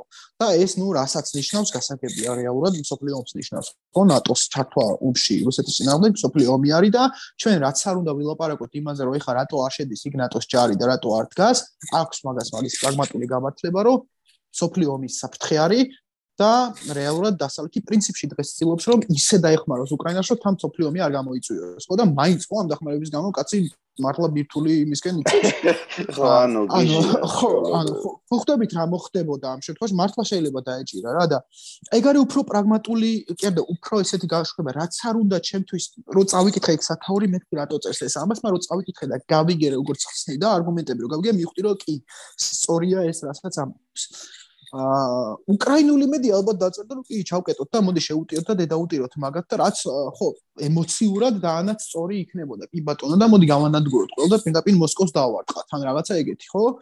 მაგრამ რაღაც მომენტში ეგ არის ძალიან მნიშვნელოვანი რომ აი ამ შუას ვუყუროთ. მაგრამ ეხლა თუ გამორიცხავთ აი ამ რაღაც შუაში პოპ მედია საშუალებებს და ავიღებ თქვა რუსულ მედიას და უკრაინულ მედიას ამ შემთხვევაში გვეწერა კიდე საიძე რომ მაინც ჯობია უკრაინულ მედიას დავეყრდნოთ ვიდრე რუსულს და რატო? რუსეთს აქვს ძალიან პირდაპირ ინტერესი, თავიდანვე გაცხადებული ინტერესი და ვიცით ეს ინტერესი რაც არის, რომ მან ომი გაასაღოს როგორც მოგებულად და თავიდანვე ისინი ამბობდნენ რომ ჩვენ წინ მივიწევთ, თავიდანვე ამბობდნენ რომ ჩვენ აქ ქალაქები ავიღეთ, ჩვენ ფაშისტური თუ ნაცისტური რეჟიმის ავათავისუფლებთ უკრაინას, ხალხი ვიდით რა ქვია, ყვავილებით და ასე შემდეგ. და ჩვენ დანაკარგები არ გვაქვს. ეს არის ძალიან აგრესორის პრობლემა. არ მოსულა არასდროს ყვავილებით გეგებება. ეს ეხლანდელ ომზე თავიდან ახლანდელ ომზე ეგ არ ყოფილა რომ გეგებებიან, მაგრამ თავიდან იყო რომ ისინი აუცილებლად უკრაინა ჩვენ შეხვდება ამით. საკუთარ ხალხმა რუსეთში ხალხს ნამდვილად ჯეროდა რომ ყვავილებით შეგებოდა უკრაინა. ამას ადგილობრივი მეფტია ეგრე აშუქებდა პროპაგანდისტული. ეხლა რა აქვს? უკრაინა ხდება რომ ეგ გააკეთონ. ჩემო ეხლა ცოტა უკან მე არ შემხვედრია newsfeed-ზე არ შემხვედრია, მაგრამ მე რაც ვიცი, ანუ ვიღაცებს ვისაც ველაპარაკები რუსეთში, ის არის რომ აა ნუ ისაც ვიცნობ რომ ისინი ამბობენ რომ თქვენ თუ გონიათ რომ აქ ხალხი ხვდება ომი რაც არის, არ არის 20-25% ადამიანების ვინც ხვდება რა უბედურებას ტრიალებს, დანარჩენი არის სახელმწიფო პროპაგანდის მსხვერპლი. როგორც ყველგან არის რა, იმიტომ რომ ისინი როგორც ყველგან მიჩვეულები არიან რომ რასაც ტელევიზია ამბობს, ეს იგი ესეა. და პუტინი არის განმათავისუფლებელი და მათ ამის ჯერათ რეალურად რა. საბოლოო ჯამში ყოველთვის ეგ არის ეგ უმრავლესობა ვერას ვერ იმარჯვებს, იმიტომ რომ ეგრე რომ მომხდარიყო დღეს ჩვენ ნაცისტები მოიგებდნენ ომს, მაშინ რა ქვია მეორე მსოფლიო ომს და ალბათ არც ერთი საღი აზრი არ გამოიმარჯვებდა და დღემდე იმიტომ არსებობს კარგად თუ ცუდად რომ ყოველთვის ადრე თუ გვიან საღმა აზრმა გამოიმარჯვა რა და საღი აზრი უმრავლესობაში არც არ ყოფილა. საღი აზრი იყო ყოველთვის უმცირესობაში. და ისინი იწვევდნენ პროგრესს, ხო ესეა? და ალბათ მანდაც ეგრე არის, მაგრამ ნუ ყოველ შემთხვევაში ეგ ეგრე ტრიალებს. ეს შე რომ ამბობ რომ ჩვენ newsfeed-ში არ ხდება ეგ ჩვენი Facebook-ის სცენი არის, ეგ რომ ჩვენ newsfeed-ში ის მოდის, რასაც ჩვენ ვაზიარებთ, ჩვენი ახლობლო წრე აზიარებს და აქ ტრიალებს. მაგრამ მეორე მხარე ისაა რომ პრინციპში ახლა საქართველოს ისე აღმოჩნდა რომ მაინც უმეტესობა უკრაინის ფარს არიან ვიღაცები რომლებიც რუსეთს უჭერენ მხარს, მაგრამ ის ვიღაცებმა ანუ ომი გადავიტანეთ რამდენი წლის 14 წლის წინ იყო ომი ხო და ვიცით ეგ ჩვენ. რაც არ უნდა ვილაპარაკოთ რაც არ უნდა ვიღაცები პოლიტიკურად სპეკულირებდნენ რომ იქ რაღაცა ჩვენ და რაღაცა სულელებს რაც მიძახდნენ თავის დროზე ხო გულისხმობაში მაინც იცი რომ იმას შენ ვიღაცას შვილი მოუკვდა ხო? ომში ვიღაცის 18 წლის რაღაცა რეზერვისტი იყო ომში და იქიდან ჩამოვიდა განადგურებული ფსიქიკით ორ დღეში და ასე შემდეგ ხო? და ეს ჩვენ გადატანილი რო გვაქვს მეტნაკლებად ქართულები ყველა რეჩმაინც უკრაინის მხარეს არიან და პრინციპში მასობრივად წავიდა ეს ისინი რა ქვია. მხარდაჭერა უკრაინის მიმართ ყველ თელ რეგიონებშიც კი ეგრე არის ჩვენთან რაც ძალიან საინტერესო და ძალიან კაი არის. მაგრამ ყოველ შემთხვევაში მეორე მხარეს რო შევხედოთ ახლა უკრაინის შეიძლება უკრაინა ამბობს რომ ჩვენ რაღაც 5000 კაცი რუსი მოუყალით ა ის უფრო მართალი არის დიდი ალბათობით ვიდრე რუსი რო ამბობს რომ არც ერთი ჩვენი ჯარისკაცი არ მოუკლავთ.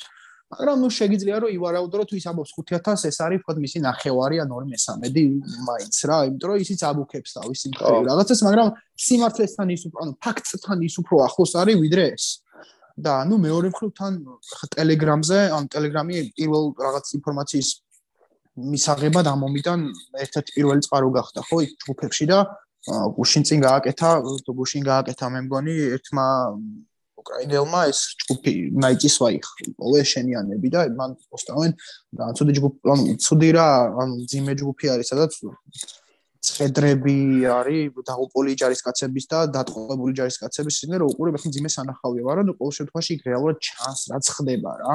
და ისიც ჩანს რომ რუსეთს ეხვეწება უკრაინა რომ წაიყვანოს ამ პროები და დამარხი და ანუ არ რეაგირებს. ეგ რა ეგ ჩანს ეს ყველაფერი. ეს კი არა რომ უკრაინას დანაკარგები არ აქვს. უნებრივია აქვს და უკრაინა იტყვის ასევე რომ უფრო ნაკლები აქვს დანაკარგი ვიდრე რუსეთს.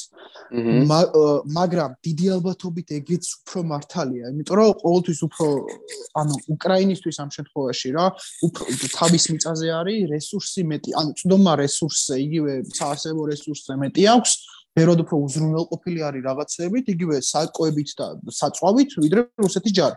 რუსეთის ჯარი ეხლა დგას ტანკებს ტოვებენ შუაგზაზე, იმიტომ რომ ბეზენი დაუმთავრდათ და მაროდიორობენ, რატომ მაროდიორობენ? იმიტომ რომ შევრები არიან და რესურსი აღარ აქვს. ეგონათ რომ რაღაცა მართლა 48 საათი აიღებდნენ კიევს და უკვე 4 დღე არის ერთ პოზიციებზე დგანა, ხო? ხო და შესაბამისად დიდი ალბათობით ეგ უფრო აა ეს არის რა ქვია, უკრაინის პროპაგანდა უფრო ახლოს არის სიმართლესთან. ვიდრე რუსეთის პროპაგანდა. ამიტომ ჩვენ ვცდილობთ რომ ეგ მხარე დავიჭიროთ რა. აა ახლა ცოტა რომ შევადარო მაგალითად ყარაბაღის კონფლიქტს, იქივე რა ჩვენ უახლოესი კონფლიქტი რაც არის. აი მანდ ყარაბაღის ომის დროს არც ერთი მხარის დაჯერება არ იყო გამართლებული. აი მან ძალიან ნეიტრალურად დაყოფილიყავი და ძალიან ფრთხილად დაყოფილიყავი, იმიტომ რომ იქ თანაბარი პროპაგანდა მიდოდა. და ვინ იყო ის ვის ნეიტრალურად აშუქებდა? აი მაგას მაგალითად. ისევ საერთაშორისო მედია და ასევე დამოუკიდებელი ჟურნალისტები, იმ ჟურნალისტების ნაწილი, რომლებმაც რომლებიც ზართულია ხა შენ ქვეყანაში ომი რომ მიდის ზართულია დისტანცირდე ამისგან, მაგრამ თუ ამას არ გააკეთებ აა საჭიროა მოკლედ ეგ გააკეთო და იყვნენ ერთეულები, მაგრამ მაინც იყვნენ ორი მხარის ესეთი ჟურნალისტები, რომლებიც ამისგან დისტანცირდნენ.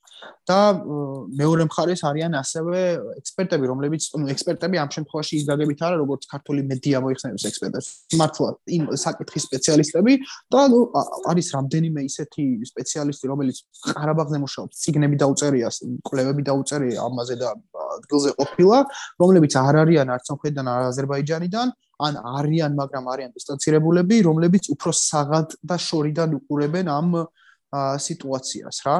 და აი ეს იგივე აი კრიზისის კვლევის ორგანიზაციები რომლებიც მუდმივად აახლებენ ხოლმე ამ ინფორმაციას, თითქოს მაგას უეყრდნობით ხოლმე. შეიძლება ეგ ლაივში ომის პროცესში არ მოხდეს, იმიტომ ძალიან რთულია, მაგალითად, არ ვიცი, გარდაცვლილებ დაღუპულები დათვალო ომში ძალიან ზუსტად, მაგრამ ომის შემდეგ უფრო ზუსტ რიცხვებს იგებ, რამდენი აქვს უკვე დაკარგული, რამდენი დაღუპული, რამდენია ტყვე ჩავარდნილი რომელიმე მხარეს და ასე შემდეგ.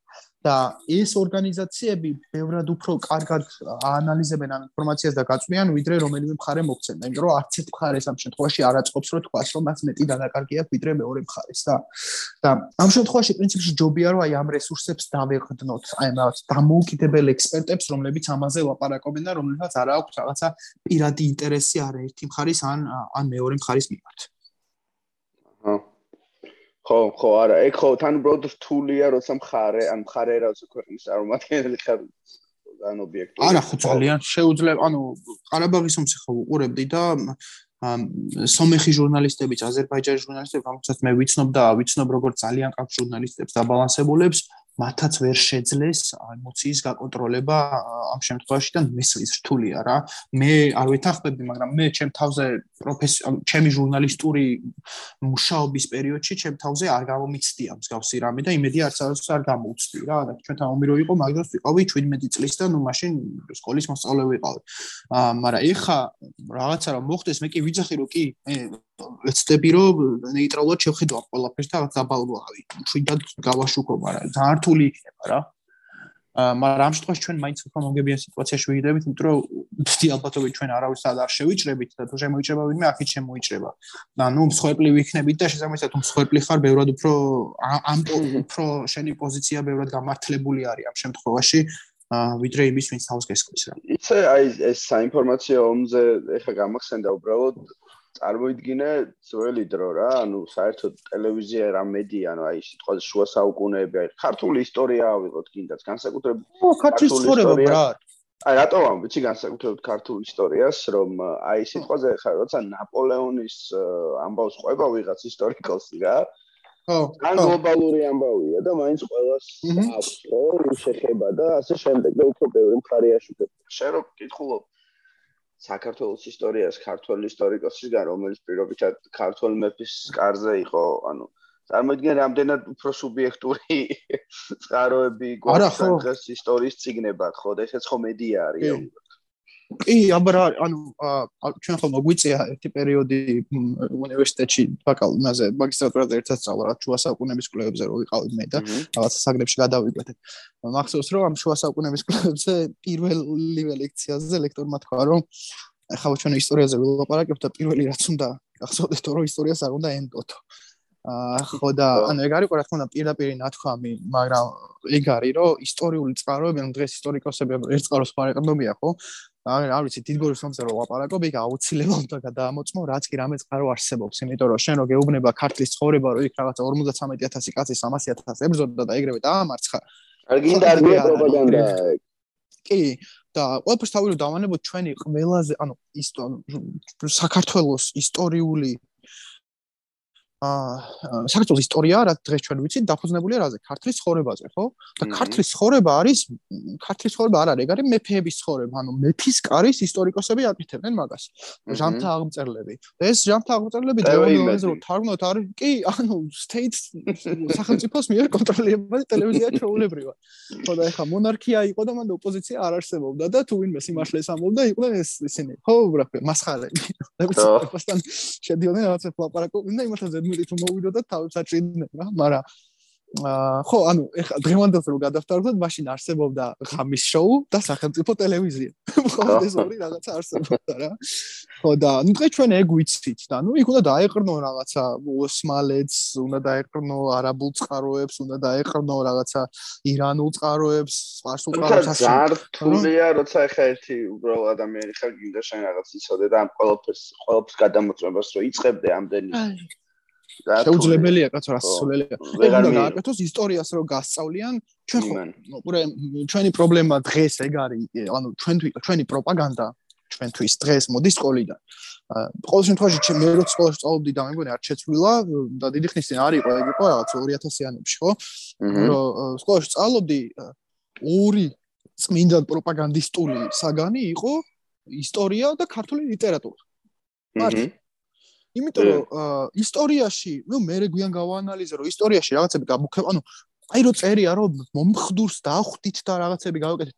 ანუ ბოდიში მაგრამ ისტორიას როცა ყვები, შენ უნდა მასწავლო, როგორ აი წყაროების მიხედვით როგორ უნდა გავაანალიზო. ანუ ვინც ისტორიის წიგნი დაწერა, იმას უნდა კონდეს გაანალიზებული და მოიტანოს ჩემამდე, თორემ მე პატარა ბავშვი რასაც ჩამზახები იმას და ანუ ეგ პროპაგანდა იქიდან მოდის ახლა გადაოდით, მაგრამ ნუ ეგეც რეალურად ნაწილი არის ამ ყველაფრის რა, იმიტომ რომ შენ რასაც გეუბნებიან, ეგ უნდა დაიტრო რომ შენთვის ეს რაღაცა ღირსების ამბავია, რომ შენ დაიჯერებ შენ რაღაცა იმას კენი რა ქვია. ყველაზე უფრო ძლიერი ხარ და ყოველთვის ყველაზე ძლიერი იყავი რა. ჩვენ იმასაც გვასწავლეთ, რომ საქართველოს როგორც სახელმწიფო სულ არსებობდა, არ იყო ეგრე, ხო? ანუ რა იმ წლების ქართველი ხალხი არსებობდა, ქართველური ხალხი არსებობდა, ტომები, მაგრამ როგორც სახელმწიფო აი ესე რაღაც ისტორიაში რაღაც პერიოდის განმავლობაში ვარსებობდით. რუკაზე არ ვარსებობდით ჩვენ. მაგალითად, მე 18 1800 წლის შემდეგ, როდესაც რუსეთის იმპერიაში შევედით, საქართველოს რუკა არ არსებობდა, არსებობდა რუსეთის იმპერიის რუკა, რომლის გუბერნიაც ვიყავით ჩვენ. ანუ საქართველოს ქართველები ვიღაცა ქართულ ლაპარაკობენ, საქართველოს არ იყო ჩვენ, მე დღემდე სულ მეგონა რომ საქართველოს იყო კაცო, მე რა რომ იმპერიის შემადგენლობაში ვიყავი, იგივე როცა რომის იმაში რა ქვია ბიზანტიის იმპერიაში როცა ვიყავით იგივე რავი როცა სელჯუკებმა დაგვიპყრეს იგივე როცა რა ვიცი მან ფუ რა ერქვათ იმათ მონღოლებმა დაგვიყრეს ხო რომ საქართველოს არა ქართველები არსებობდნენ როგორც ესეთი მაგრამ რუკაზე ვიყავით არ ვიყავით რუკაზე საქართველოს არ იყო იყო რაღაცა მთელი ამ დიდი იმპერიის ნაწილი. ჩვენ ამას გვასწავლიდნენ იმიტომ რომ ესე რო არ ყოფილიყო ჩვენ შევცხებოდით ადამ აფერი მაგაში სამარცხინო არ არის. პირიქით ძალიანაც კარგი არის და ძალიანაც ნიშნულოვანი იმის ცოდა რომ მიუხედავად ამ ყველაფერისა დღეს როგორც სახელმწიფო არსებობს და არ გავქრით მართლა რა და ყველაზე ნიშნულოვანი რაც არის ჩემს სამშობლოში ენა შევინარჩუნეთ. და ნუ თუ ინფორმაციის გადაცემაზე ვაპარაკობთ ენა არის პირველი იარაღი ამისთვის, ხო? ანუ ინფორმაციის გადაცემისთვის. და ეგ შევინარჩუნეთ. და ეგ რო გვაქვს, ეგ უკვე კარგი არის, მაგას ვერ ვაანალიზებ, ჩვენ იმაზე მეტი გვინდა ვიდრე გვჭირდება, ნუ პროპაგანდა ხო ეგრე მუშაობს, რომ შენ მაქსიმალურად დაგტვირთოთ შენ რაღაცა თვითკმაყოფილების გრძნობით, ახლა სულ სხვა რაღაცაში გადავეცი, ცოტა კრიტიკაში. ნუ ყოველ შემთხვევაში ეგ არის. კი, კი. აი ესე აი მეორე მსოფლიო ომის ამბავი გამახსენდა ხო და ალბათ მან ძალიან მნიშვნელოვანი ფაქტორი იქნებოდა ტელევიზია იყო ხო მაშინ და რადიო თავარი და ეს პროპაგანდაც ამათ იყო ნუ ალბათ გაზეთებიც ხო საბჭოთა კავშირში რადიო იყო? არა ტელევიზია არ იყო მან დროს მე მაგასო არა არ იყო ტელევიზია რადიო და გაზეთები. მე მგონი იყო ტელევიზია. ტელევიზია არსებობდა 30-იანი წლების შემდეგ და საბჭოთა კავშირში არა საბჭოთა კავშირშიც იყო. ნუ პირველი ტელევიზორი იყო 1914 წელს მაგრამ ნუ ყოველ შემთხვევაში მასობრივი მოხმარების საგანი არის ტელევიზია იყო რა. ხო ეგ ამბავია და ნუ მაშინ რადიო რადიოთი რადიოც ხო ეგრე რადიოს ხო ყველას არ ქონდა რა რაღაც მეზობლები იკრიბებოდნენ სადაც რაღაც იქიდან იღებდნენ ინფორმაციას. პირველი გამარჯვების მესიჯიც რადიოში გადმოიცა რაღაც საჯარო რადიოები ხო მოედნებზე რომ რაღაც სპიკერები იყო იქიდან გადმოცემდნენ. აა მაშინაც ეგ იყო ხო? ანუ მაშინაც ეგ პროპაგანდა მუშაობდა და მაშინაც არ გეუბნებოდნენ რომ რაღაც რა ქვია ყოველთვის წინ მიიწევდა არმია და არადროს ამაზე რა ქვია დამარცხებაზე არ იყო ლაპარაკი. მაშინ როცა ვიცით რომ ძალიან დიდხანს აი ბეწვეკი და მოკავშირეების როლი რაღაც 1953 წლამდე ხო? სანამ გარდატეხა არ მოხდებოდა ომში და ეგ არ ვიცი იცოდნენ? აქ ჩვენთან რომ აგებდით ომს არ ვიცი. ხო ძალიან საინტერესოა მართლა თუ იცოდნენ აქ.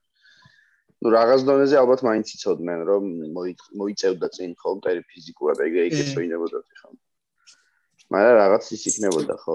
აი მაგიტო ამბობ ხოლმე რომ ეხლა რომ ზევარ აქ რეალურად და ინტერნეტზე ვარ დამოკიდებული ამ ინფორმაციის მიღების მხრივ ანუ სულ მინდა ის რომ არ მინდა რომ აი რაღაც იმაში გავეხვიო რა რეალურად ანუ რამე კარგის მომტანი რომ დავიჯერო და ამით რამე შეიცვალოს სიტყვაზე უკრაინსკი კი დავიჯერებ მაგრამ ეს ხო პირად მე დავიჯერებ თუ არა ომის შედეგს პირ ამ შემთხვევაში არ შეცვლის და სულ მინდა ხოლმე რომ რაღაცა აა ის ინფორმაციაც გადავამოწმო ხოლმე გინდაც რაც რო ამომიგდებს ერთ შეხედვით მომწონს ან შეიძლება სიამოვნებას და შემდეგ და ეგ ალბათ ძალიან რთულია დღეს მაინც ამის კონტროლი რავი არ ვიცი.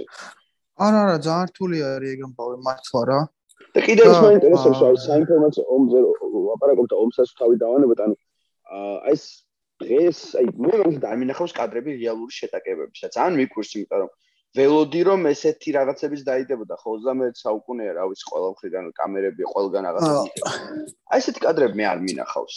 არ მინახავს მაგას ხო აი საომარ დაპირისპირებები არ მინახავს. გარდა იმისა რომ ხედავთ რაღაც ტანკები როგორ დადიან ჯარისკაცები როგორ დადიან კონფლიქტი არ გვინახავს ხო? რეალურად შეიძლება ეგ ეგ ეგ მარტივად ახსნადია ერთი ის რომ ყველაზე მეტი კადრი რაც ვრცელდება ეს ვრცელდება რაღაც მოქალაქეების მიერ გადაღებული და ბუნებრივია იმიტომ რომ ისინი ხედავენ ამას და ეგ ხდება შორიდან ანუ რეალურად შეტაკებები არის თითქოს ქალაქების გარეუბნებში ან ქალაქ გარეთ.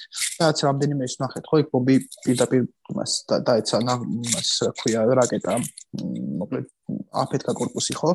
და ნახეთ ძალიან ახლოდან ეგ გადაღებული იყო სათვალთვალო კამერის გადაღებული და შედეგად. ძირითადად შეტაკებები ხდება ისეთ ადგილებში, სადაც ეს კამერები არ დგას. ეს არის რაღაც ღია ტერიტორიებზე, ან ქალაქ გარეთ და ასე შემდეგ. მანდ ან შორს არიან ეს ადამიანები, ვიც იღებენ და ყოველ არის შორს არიან იმიტომ რომ სროლა ხდება იქ ახლოს არ. მეორე ჟურნალისტები ხო არიან აი ეს და მაინტერესებს ომი ჟურნალისტები არიან მაგრამ ისინიც ანუ რეალურად ფრონტი ერთი ბევრი ფრონტის ხაზი არის ეგ ერთი ა უკრაინაში. და მეორე ის არის რომ ომი ჟურნალისტებიც შუა იმაში რა ქვია საბრძოლო მოქმედებაში ვერ იქნებიან. მაგრამ თანამედროვე ხო ეს არ არის ერთი მხარე დგას და მეორე მხარე ორივე მხრიდან ხო? აჰა და ხაირიდან ბომბები მოდის.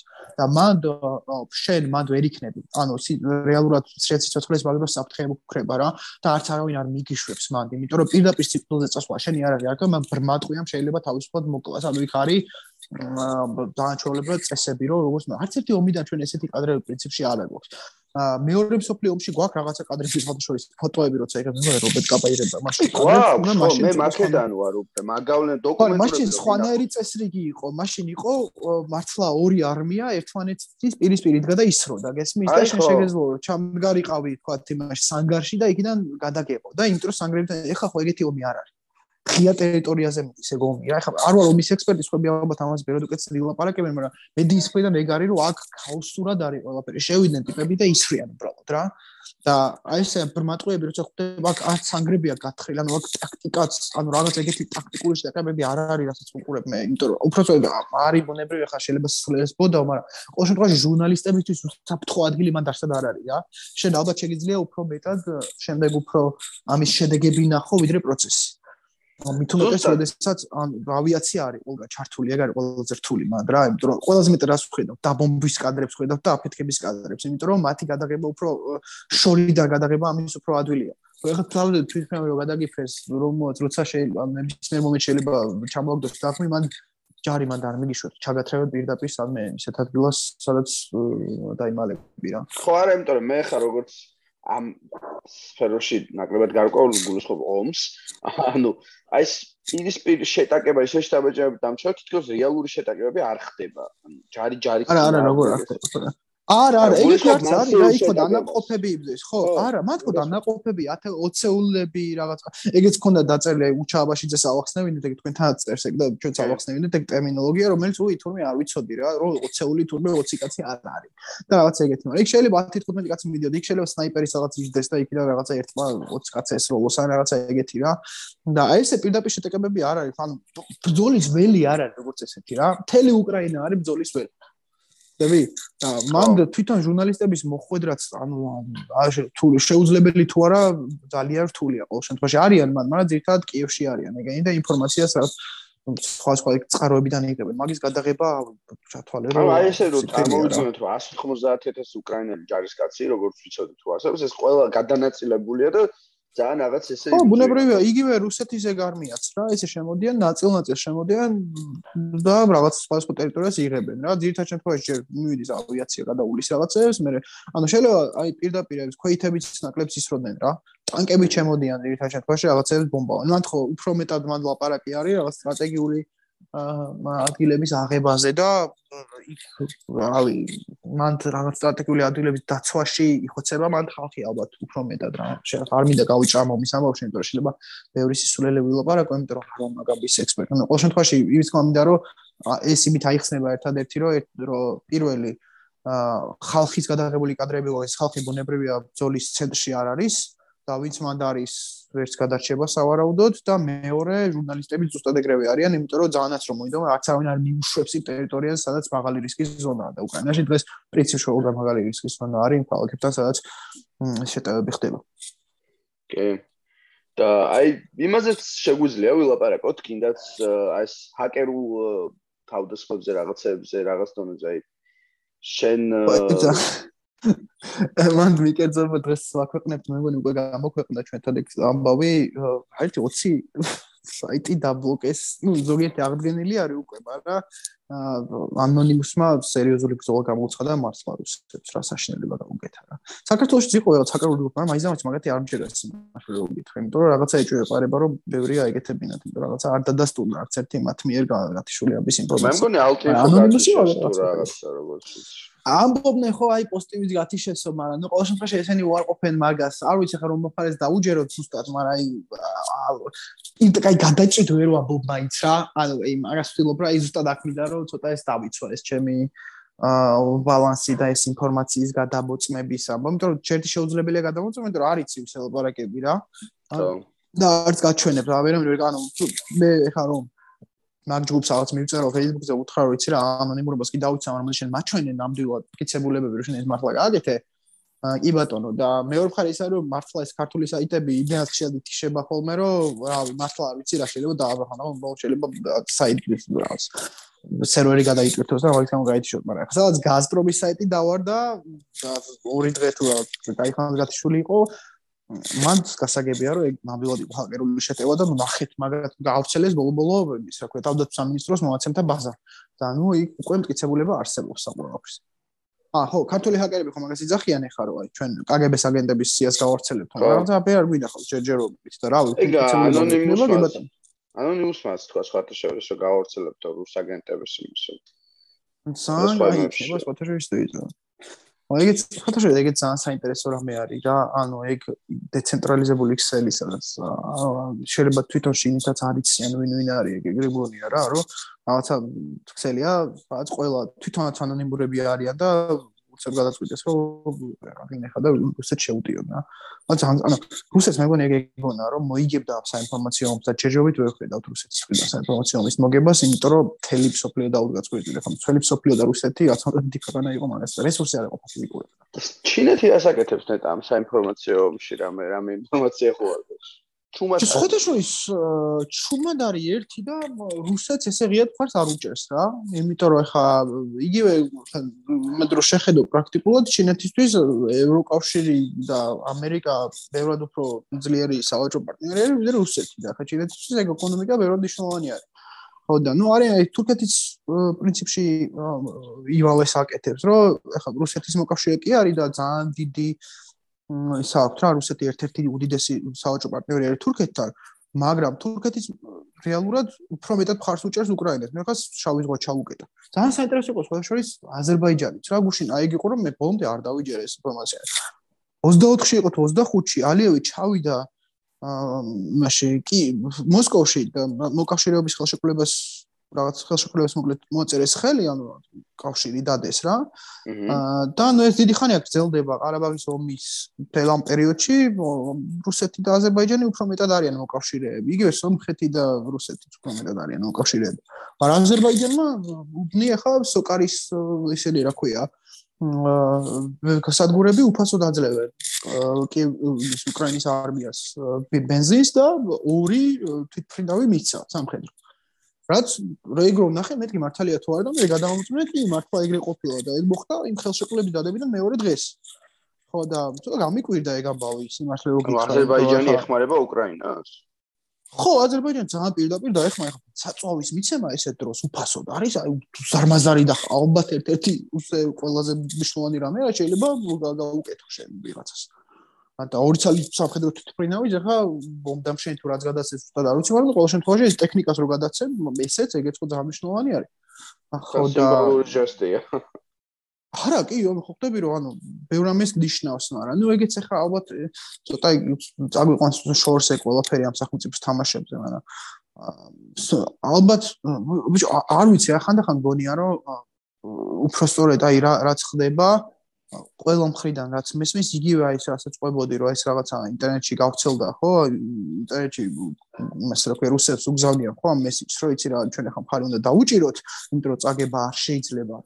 ეგ შეიძლება ნიშნავდეს იმას რომ იქ უკვე ეხდებიან რომ აგებინოთ რა რა უჩაბაში ძეგება სულ ხო გახდა რავი ყველაზე უფრო სანდო წყარო გახდა საქართველოსში ვისაც შეიძლება ომზე აი აი ამ ომზე იმიტომ რომ ვისაც სამხედრო მიმართულებით ყოველთვის წერდა და დღეს ძალიან აქტიურად აკეთებს მაგას და ეგ ამ და ზუსტად იმას რომ და პრინციპში ლოგიკურიც არის რომ ეხლა შენ რო ორ დღეში გინდა და ქვეყნის აღება და უკვე რავი 20 რამდენი მეოთხე დღეა ხო? უკვე ბრძოლები მიდის. შესრულდება 20 საათზე გამთენიისას კი ბატონო და ძალიან დიდი დროა ეს.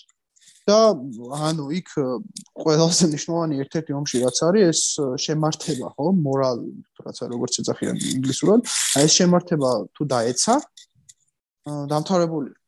და თან იგივე ხარ რაც უნდა პროპაგანდა გავრცელდეს, მოდი სიმართლეს თვალებს ჩავხედოთ რა. რუსეთის არმიას ერთადერთი მიზანი რაც აქვს მანდ მოდის ვიღაცების დავალებიდან, რა, მათი ზემდგომების დავალებიდან, რომ შენ უნდა შეხვიდე და თავს დაესხა მათ და გაანადგურა. რაღაც მომენტში საშუალო სტატისტიკური რუსისთვის უკრაინელი ბევრად უფრო ახლოს არის. ვიდრე თუ კიდე ქართველი და ნებისმიერი სხვა, ანუ მოვო ერთნაირი ენა აქვს, ერთნაირი კულტურა აქვს, ხო? ძალიან გავს ერთმანეთს. და შესაბამისად მისთვის ყველაზე დიდი мотивация ხა مثلا მანიაკი თუ არ არის, ყველაზე დიდი мотивация ისაა, რომ ახლა მე ის ვიღაცა მეუბნება და ეს უნდა შევასრულო რა. და შეიძლება თვითონაც არ ჯეროდეს ბოლომდე ამის, მაგრამ ნუ ყოველ შემთხვევაში მაინც აი სამშობლოს ემსახურება თავისი ჭკუით. მაგრამ ეს მაინც მოქმედებს. მეორე მხარეს გას უკრაინა, რომელიც ერთი მხრივ ა ხო და კიდე ამათ ყავთ ლიდერი, რომელიც ახლა ატომურ ომს დაავიწყებს თუ რაღაც. რომელიც განადგურებს რუსეთის არმიასაც, რომელიც ახლოს იქნება მათ, ხო? და მეორე მხარეს არის უკრაინა, რომელიც ხედავს, რომ რავი, იქვე არის გვერდზე მისი თავარსართლობა. არც და არ მიდის და ყველაზე მნიშვნელოვანი მიზანი აქვს, რომ დაიცვას თავისი მიწა, მორჩა. ეგ არის მისი მიზანი და რეალურად რეალური მიზანი აქვს უკრაინას. ანუ მისი შემართება უფრო გამართლებული არის პრაგმატულად. და რუსეთის ჯარის შემართება პრაგმატულობით არ არის გამყარებული რა. და ამას რო ემატება მე რავი, შიმშილი, რესურსების არ ქონა და ასე შემდეგ, ну როგორ გინდა ეს შეინარჩუნოს რა ამის ისე. კი ამბობენ რომ იცი რა რუსეთის არმია ყოველს ამაზე იდგა რომ ის გაბოროტდება მე და გადაულის ყოველს მაგრამ. აი მე არ გონია ეგრე რა. გონია რომ აი ეს ვიდას გაბოროტებული და ეს დაჩაჩანაკებული ადამიანი ბევრად ცუდი მებრძოლი საბოლოო ჯამში ბევრად ცუდად იბრძოლებს ვიდრე უმეტეს რომელსაც ასევე არ აქვს მაგის განსაზღვრული მიზანი ბევრად უფრო ცუდად იბრძოლებს ვიდრე ის ვისაც აქვს მეტი რესურსი ახლოს შეუძლია რომ არ იყოს მშიერი და აქვს ხარდაჭერა პლუს ამ ხელა ხარდაჭერა ხო ერთი მხრივ და აქვს შესაბამისად მეტი შემართება იმისთვის რომ მებრძოლოს ამ ტერს რა. ხო ნუ ეგრე ჩანს ყოველ შემთხვევაში და რასაც ხედავთ რა ვიცი ეგეთი ინფორმაცია მოდის რომ მაგისგან მიდის ყველაფერი და რა ვიცი ნახოთ რა იქნება. აა რაღაცა ცოტა იმისკენ რომ წავიდეთ.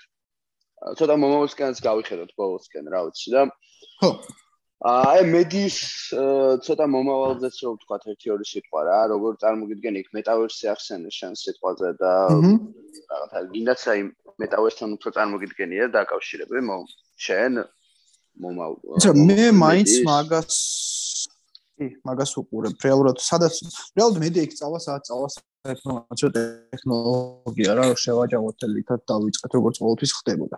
და დღეს აი მას რომ ამბობდი რომ შეიძლება გამაკვირვოს მეთქი რა ტექნოლოგიურად. რა ვიცი, რამ შეიძლება გამაკვირვოს და აი ჩემთვის წარმოადგენელი მქონდა რომ არ ვიცი ხოდი სამეცნიერო ფანტასტიკის ფილმებში ვარ ხოლმე რაღაც ეკრანის garaშე ტელეფაერში რო რაღაც ეკრანი ჩნდება იქ აირონმენი რა ფაერში რაღაც ეგეთი ტიპები რა რომელიც რაღაც ფანტასტიკის ჟანრი არის უფრო მეტად მაგრამ ეხა შეუძლებელიც ალბათ არ არის ოდესმე თავისუფლად იქნება შესაძლებელი მაგრამ ეხლა რასაც უყურებ, ან მაგალითად არ ვიცი, მაშინ რა ქვია, სადღაც ცხეულში ჩაშენებული ტელეფონი, რომელიც პირდაპირ თვალებიდან პროექციას გააკეთებს და შენ დაინახავ ვინგი რეკავს თვალებში რაღაცნაირად მოკლედ. ამას შეიძლება ალბათ. მაგრამ ბევრად უფრო რეალისტური აღმოჩნდა ეს მეტავერსი რა. Ну ყოველ შემთხვევაში თურმე დიდი ხანი ამაზე მუშაობენ ვიდრე ახლა ზუკერბერგმა არ გამოაშკარავა ეს ყველაფერი მანამდე ჩვენ ამაზე არც ბევრი არც ვილაპარაკი მაგრამ ტექნოლოგია ხო თან ახლოს არის ანუ დიდი ხანია ვითარდება ეს ტექნოლოგია და დღეს ბევრად უფრო რეალისტური ეგ არის ვიდრე სხვა რა. ხო და შეიძლება პირველ ეტაპზე არა მაგრამ მე მაინც გონია რომ 5-10 წლის განმავლობაში და შეიძლება უფრო ადრე თავის კაც მარიცის აა ეგ იყოს ის გარდამტეხი მომენტი რომელშიც ადაპტაცია მოუწევს მედიას რა ხო და აი არ ვიცი ან ხო ან იქამდე მივალთ რომ ისე გაზეთების გამოქვეყნებაზე გადავალ. აი ხო შევხედოთ როგორ შევხედოთ როგორ წავა ეს პუტინი აზრაკეთ ხო ანუ მაგაზე ვარ დამოკიდებულები რეალურად ხო აღმოჩნდა ანუ რეალურად ამ ბომბებზე ხო დიდი ხანია ვზივარ ადამიანები ცივილიზაცია და ეხა უბრალოდ ამან შეგვახსენა რა დღეს რაღაც შეგვიძლია რეალურად საფრთხე არის რა დაგვავიწყდა რომ მხოლოდ სამხრეთ კორეა არ ათამაშებს ატომურ ბომბს რა იქ ყველა ყველა საგანგაშო ის არის რომ კიდე შეგვახსენა ასევე ის რომ ვირტუალ იარაღი როგორც ერთი რაოდენობრივად რუსეთს ყველაზე მეტი აქვს. ყველაზე მეტი აქვს როგორც ერთ სახელმწიფოს მაგრამ სხვა სახელმწიფოების რო შეკრიბო და რუსეთში ადარო არ აქვს? არც ის ნაკლები აქვს. ნატოსა და რუსეთს რო შეადარო თანაბარია ხო ხო. მოიდგინე იცი როგორი ამბავი არის? არა აქვს მეტი ვიდრე რუსეთს ეგ ცალკე უბედურება ხო ხო. არა მან მე მგონი აი სიმართლე რო გითხრა მე მგონი რაოდენობას აღარ აქვს მან მნიშვნელობა რა პირველი რით ჩამოაგდებს მაგრამ შეიძლება გადაწყვიტოს ყველაფერი. მაგრამ მე გადაწყვეტავს პლანეტის იმდა რატომ დღეს თელ დღეა ეგ საავტორო მაქვს აღებული დავიწყე მაგის მუშაობა რა სტატიის რო ანუ ამ ატომურ თემაზე და ხო. დავიცი ანუ პირველი ვინ ჩამოაგდებს შეიძლება მაგას მნიშვნელობა ქონდეს, მაგრამ დიდად საბოლოო პლანეტისთვის მე მგონი მნიშვნელობა აღარ ექნება ეგ. აა ხო აი მაგას ვიძახი რა, რომ ეგ თუ მოხდა, რავი, ბიჭო, ახლა ის რა ქვია, ჩერნობილის გაჟონვამ აგერ სამეგრელოში ნახევარსამეგრელო გაწყვიტა კიბოთი. ხო და იქიდან ხო რამ ხელად მანძილზე და შენ წარმოგიდგენ რომ მართლა აფეთქება რომ მოხდა ეს ეს იყო კიდე რაღაცა კი თუ აპარაკო რომ თვითონ ჩერნობილის სადგური რო აფეთქო ხო? რომ სადაც საცავია აა რა ქვია ბირთული ნარჩენების თუ როგორც ქვია რა clear waste. ეგრო ვთქვა და ხო იმას ხო რაღაცა დიდი რაღაცა იცავს რა ძალიან ბევრი წელი რო აკეთებდნენ მაგას და ეს რაღაც დიდი კონტეინერის უზარმაზარი რომელიც აღშენეს და აკეთეს რო დაიწყო ეგრო თავიდან გაჟონ მხოლოდ რო გაჟონ. ხოხტები რომ ხელო მასშტაბის კატასტროფა იქნება. ეხლა წარმოიდგინე რომ რავი რაღაცა დიდი ის რა ქვია რა ეს ატომური ყოველთ სხვა სხვანაირი მოქმედების რადიუსის არის მაგრამ ნუ ყოველ შემთხვევაში რა ვიცი ბისმიერი რა 3-4 კილომეტრიანი რადიუსის მოქმედების ბომბი რო ჩამოაგდონ მაინც ძალიან დიდი პრობლემა იქნება იმიტომ რომ ჩვენამდე მაინც მოახდინეთ ყველაფერი რა. ხო და და იქ რა ხელა კატასტროფას მოხდა კი 3-4 კილომეტრი იყო დაახლოებით ჰიროსიმაშია ჩამოაგდეს წამიერად 70000-ზე მეტი ადამიანის სიკვდილი გამოიწვია წარმოიდგინე და თანამედროვე ატომური ბომბები და ახლობი 3000 ჯერ უფრო მძლავრია ვიდრე წარმოიდგინე ჰიროსიმას. ო, გამარჯობა. და მას ყოველთან არ აქვს ეს რაღაცა ისეთი ერთსამიანი მოქმედება არ არის ხო წლებზე იწერება. ხო და ანუ ძალიან ძალიან საშიში რაღაცა და როცა. ამ საშინელ დროში ცხოვრობთ მართლა. საშინელ დროში. საინტერესოში უდაოდ, მაგრამ საშინელში. ხო, რავი, ანუ ну და მე მგონია რომ მედიის როლი კაკრას ამიშნულოვანია და ზოგადად არა მარტო მედია, აი ზოგადად როგორც ეს ინფორმაციას, იმიტომ რომ აი მე პირადად ეხა ამ ამ კონფლიქტის საბოლოო გადაწყვეტას ისე ვხედავ იქ რომ თვითონ რუსეთში უნდა მოხდეს რაღაც, ანუ რუსეთში უნდა გატყდეს პუტინი ხო რეალურად, იმიტომ რაც ჩვენ ვახსენეთ ეხა შეიძლება უკრაინაში ფიზიკურად ვერ მიაღწიოს წარმატებას, მაგრამ ის აგრესიულად დარჩება ხო ყოველთვის, რანამ იგინდათ ატომური შეიარაღება აქვს. თვითონ ხალხში, ანუ უნდა მოხდეს რაღაც დონეზე ამის შეცვლა, ამ რეალობის აშთიდან ცხოვრობენ და ამისთვის ალბათ ძალიან დიდი მნიშვნელობა ექნება ზუსტად იმას თუ რა ინფორმაცია მიდის თვითონ იქ რუს მოსახლეობაში და როგორ დაგამუშავებენ შემდეგ ისინი ამაში და რაღაც აი ამ ამ იმით მგონია რომ შეგვიძლია წავიდეთ ბოლოსკენ რომ შეიძლება ისე მედიაზე იყოს დამოკიდებული, ოღონდ მედიაში არ გულწრფო პროპაგანდას თუ ტელევიზიებს, ხო, შეიძლება იყოს ეს ინტერნეტი კიდეც. სოციალური ქსელები, რომლებიც არ ვიცი, არის იმედები და შეიძლება რომ რაღაცები შეცვალონ იქ თვითონ რუსების მოსახლეობის ხალხში, რა რას ფიქრობ შემაგაზე? შეიძლება შეუძლია კი რა მედია გააკეთოს მაგას თუ გააკეთოს ისე როგორც ჩამოაყალიბა ეს შეხედულებები რაც დღეს არის თუ კიდე რუსეთში სახელმწიფო მედიამ ასევე შეუძლია რომ ეს შეცვალოს. თავარი ანდნება და მთავარია ეს რომ მათ მიეცეთ რამის საშუალება რა. იმიტომ რომ მან თუ ავე სახელმწიფო თუ არ აკონტროლებს ხო მაგ შემთხვევაში რუსეთი თუ არ აკონტროლებს ამ ნარატივს და შემდეგ მედია გადაწყვეტს რომ მოდი ახლა გავარცხოთ ინფორმაცია, რომელიც არ იქნება პროპაგანდისტული, ბუნებრივია ეს ყველაფერი შეიცვლება რა. მაგრამ ეგ ნება არის, ეგ არც მგონია რომ რაღაცა მომენტში მგონია რომ თვითონ მედიას ცენზურა შემოყალიბდა და თვითონ უნდა რომ იყოს პროპაგანდისტული თუ რა არის. ჩვენ ეს მარტოს ეს პრობლემა ხო არა, საქართველოს თუ იგივეა. შეიძლება ეს ძიმედეს არ დგას, იმიტომ რომ ჩვენთან პლურალიზმი მაინც გვაქვს, ჩვენ მხარეები მაინც გვაქვს ამ შემთხვევაში რა. და რუსეთში რა თქმა უნდა კი არის დამოუკიდებელი და თავისუფალი მედია რა, ეგ დოშჯი რო ავიღოთ იგივე რაც ნოვაია გაზეტა ქვია ხო? მე მგონი რომ ის რედაქტორმაც პირველივე დღეს ბოიკოტი გამოუცხადა ამ ყველაფერს. აა არსებობს მაგრამ ისინი არ არიან ეგეთი მაგხელა დაფარვა არ აქვთ. ო ჩვენ თუ გვაქვს თქვა ტელევიზია რომელსაც მეტნაკლებად თანაბარი დაფარვა აქვს და მეტნაკლებად თანაბრად წდება აუდიტორიას რუსეთში არ არის რუსეთში კი არსებობს კარგი მედია თუმცა ისინი ძირთადად არიან ინტერნეტში და თუ დაგვირდები ოპოზიციური მედია ვალდებული არის როსკომნაძორის დუკვეწლებია.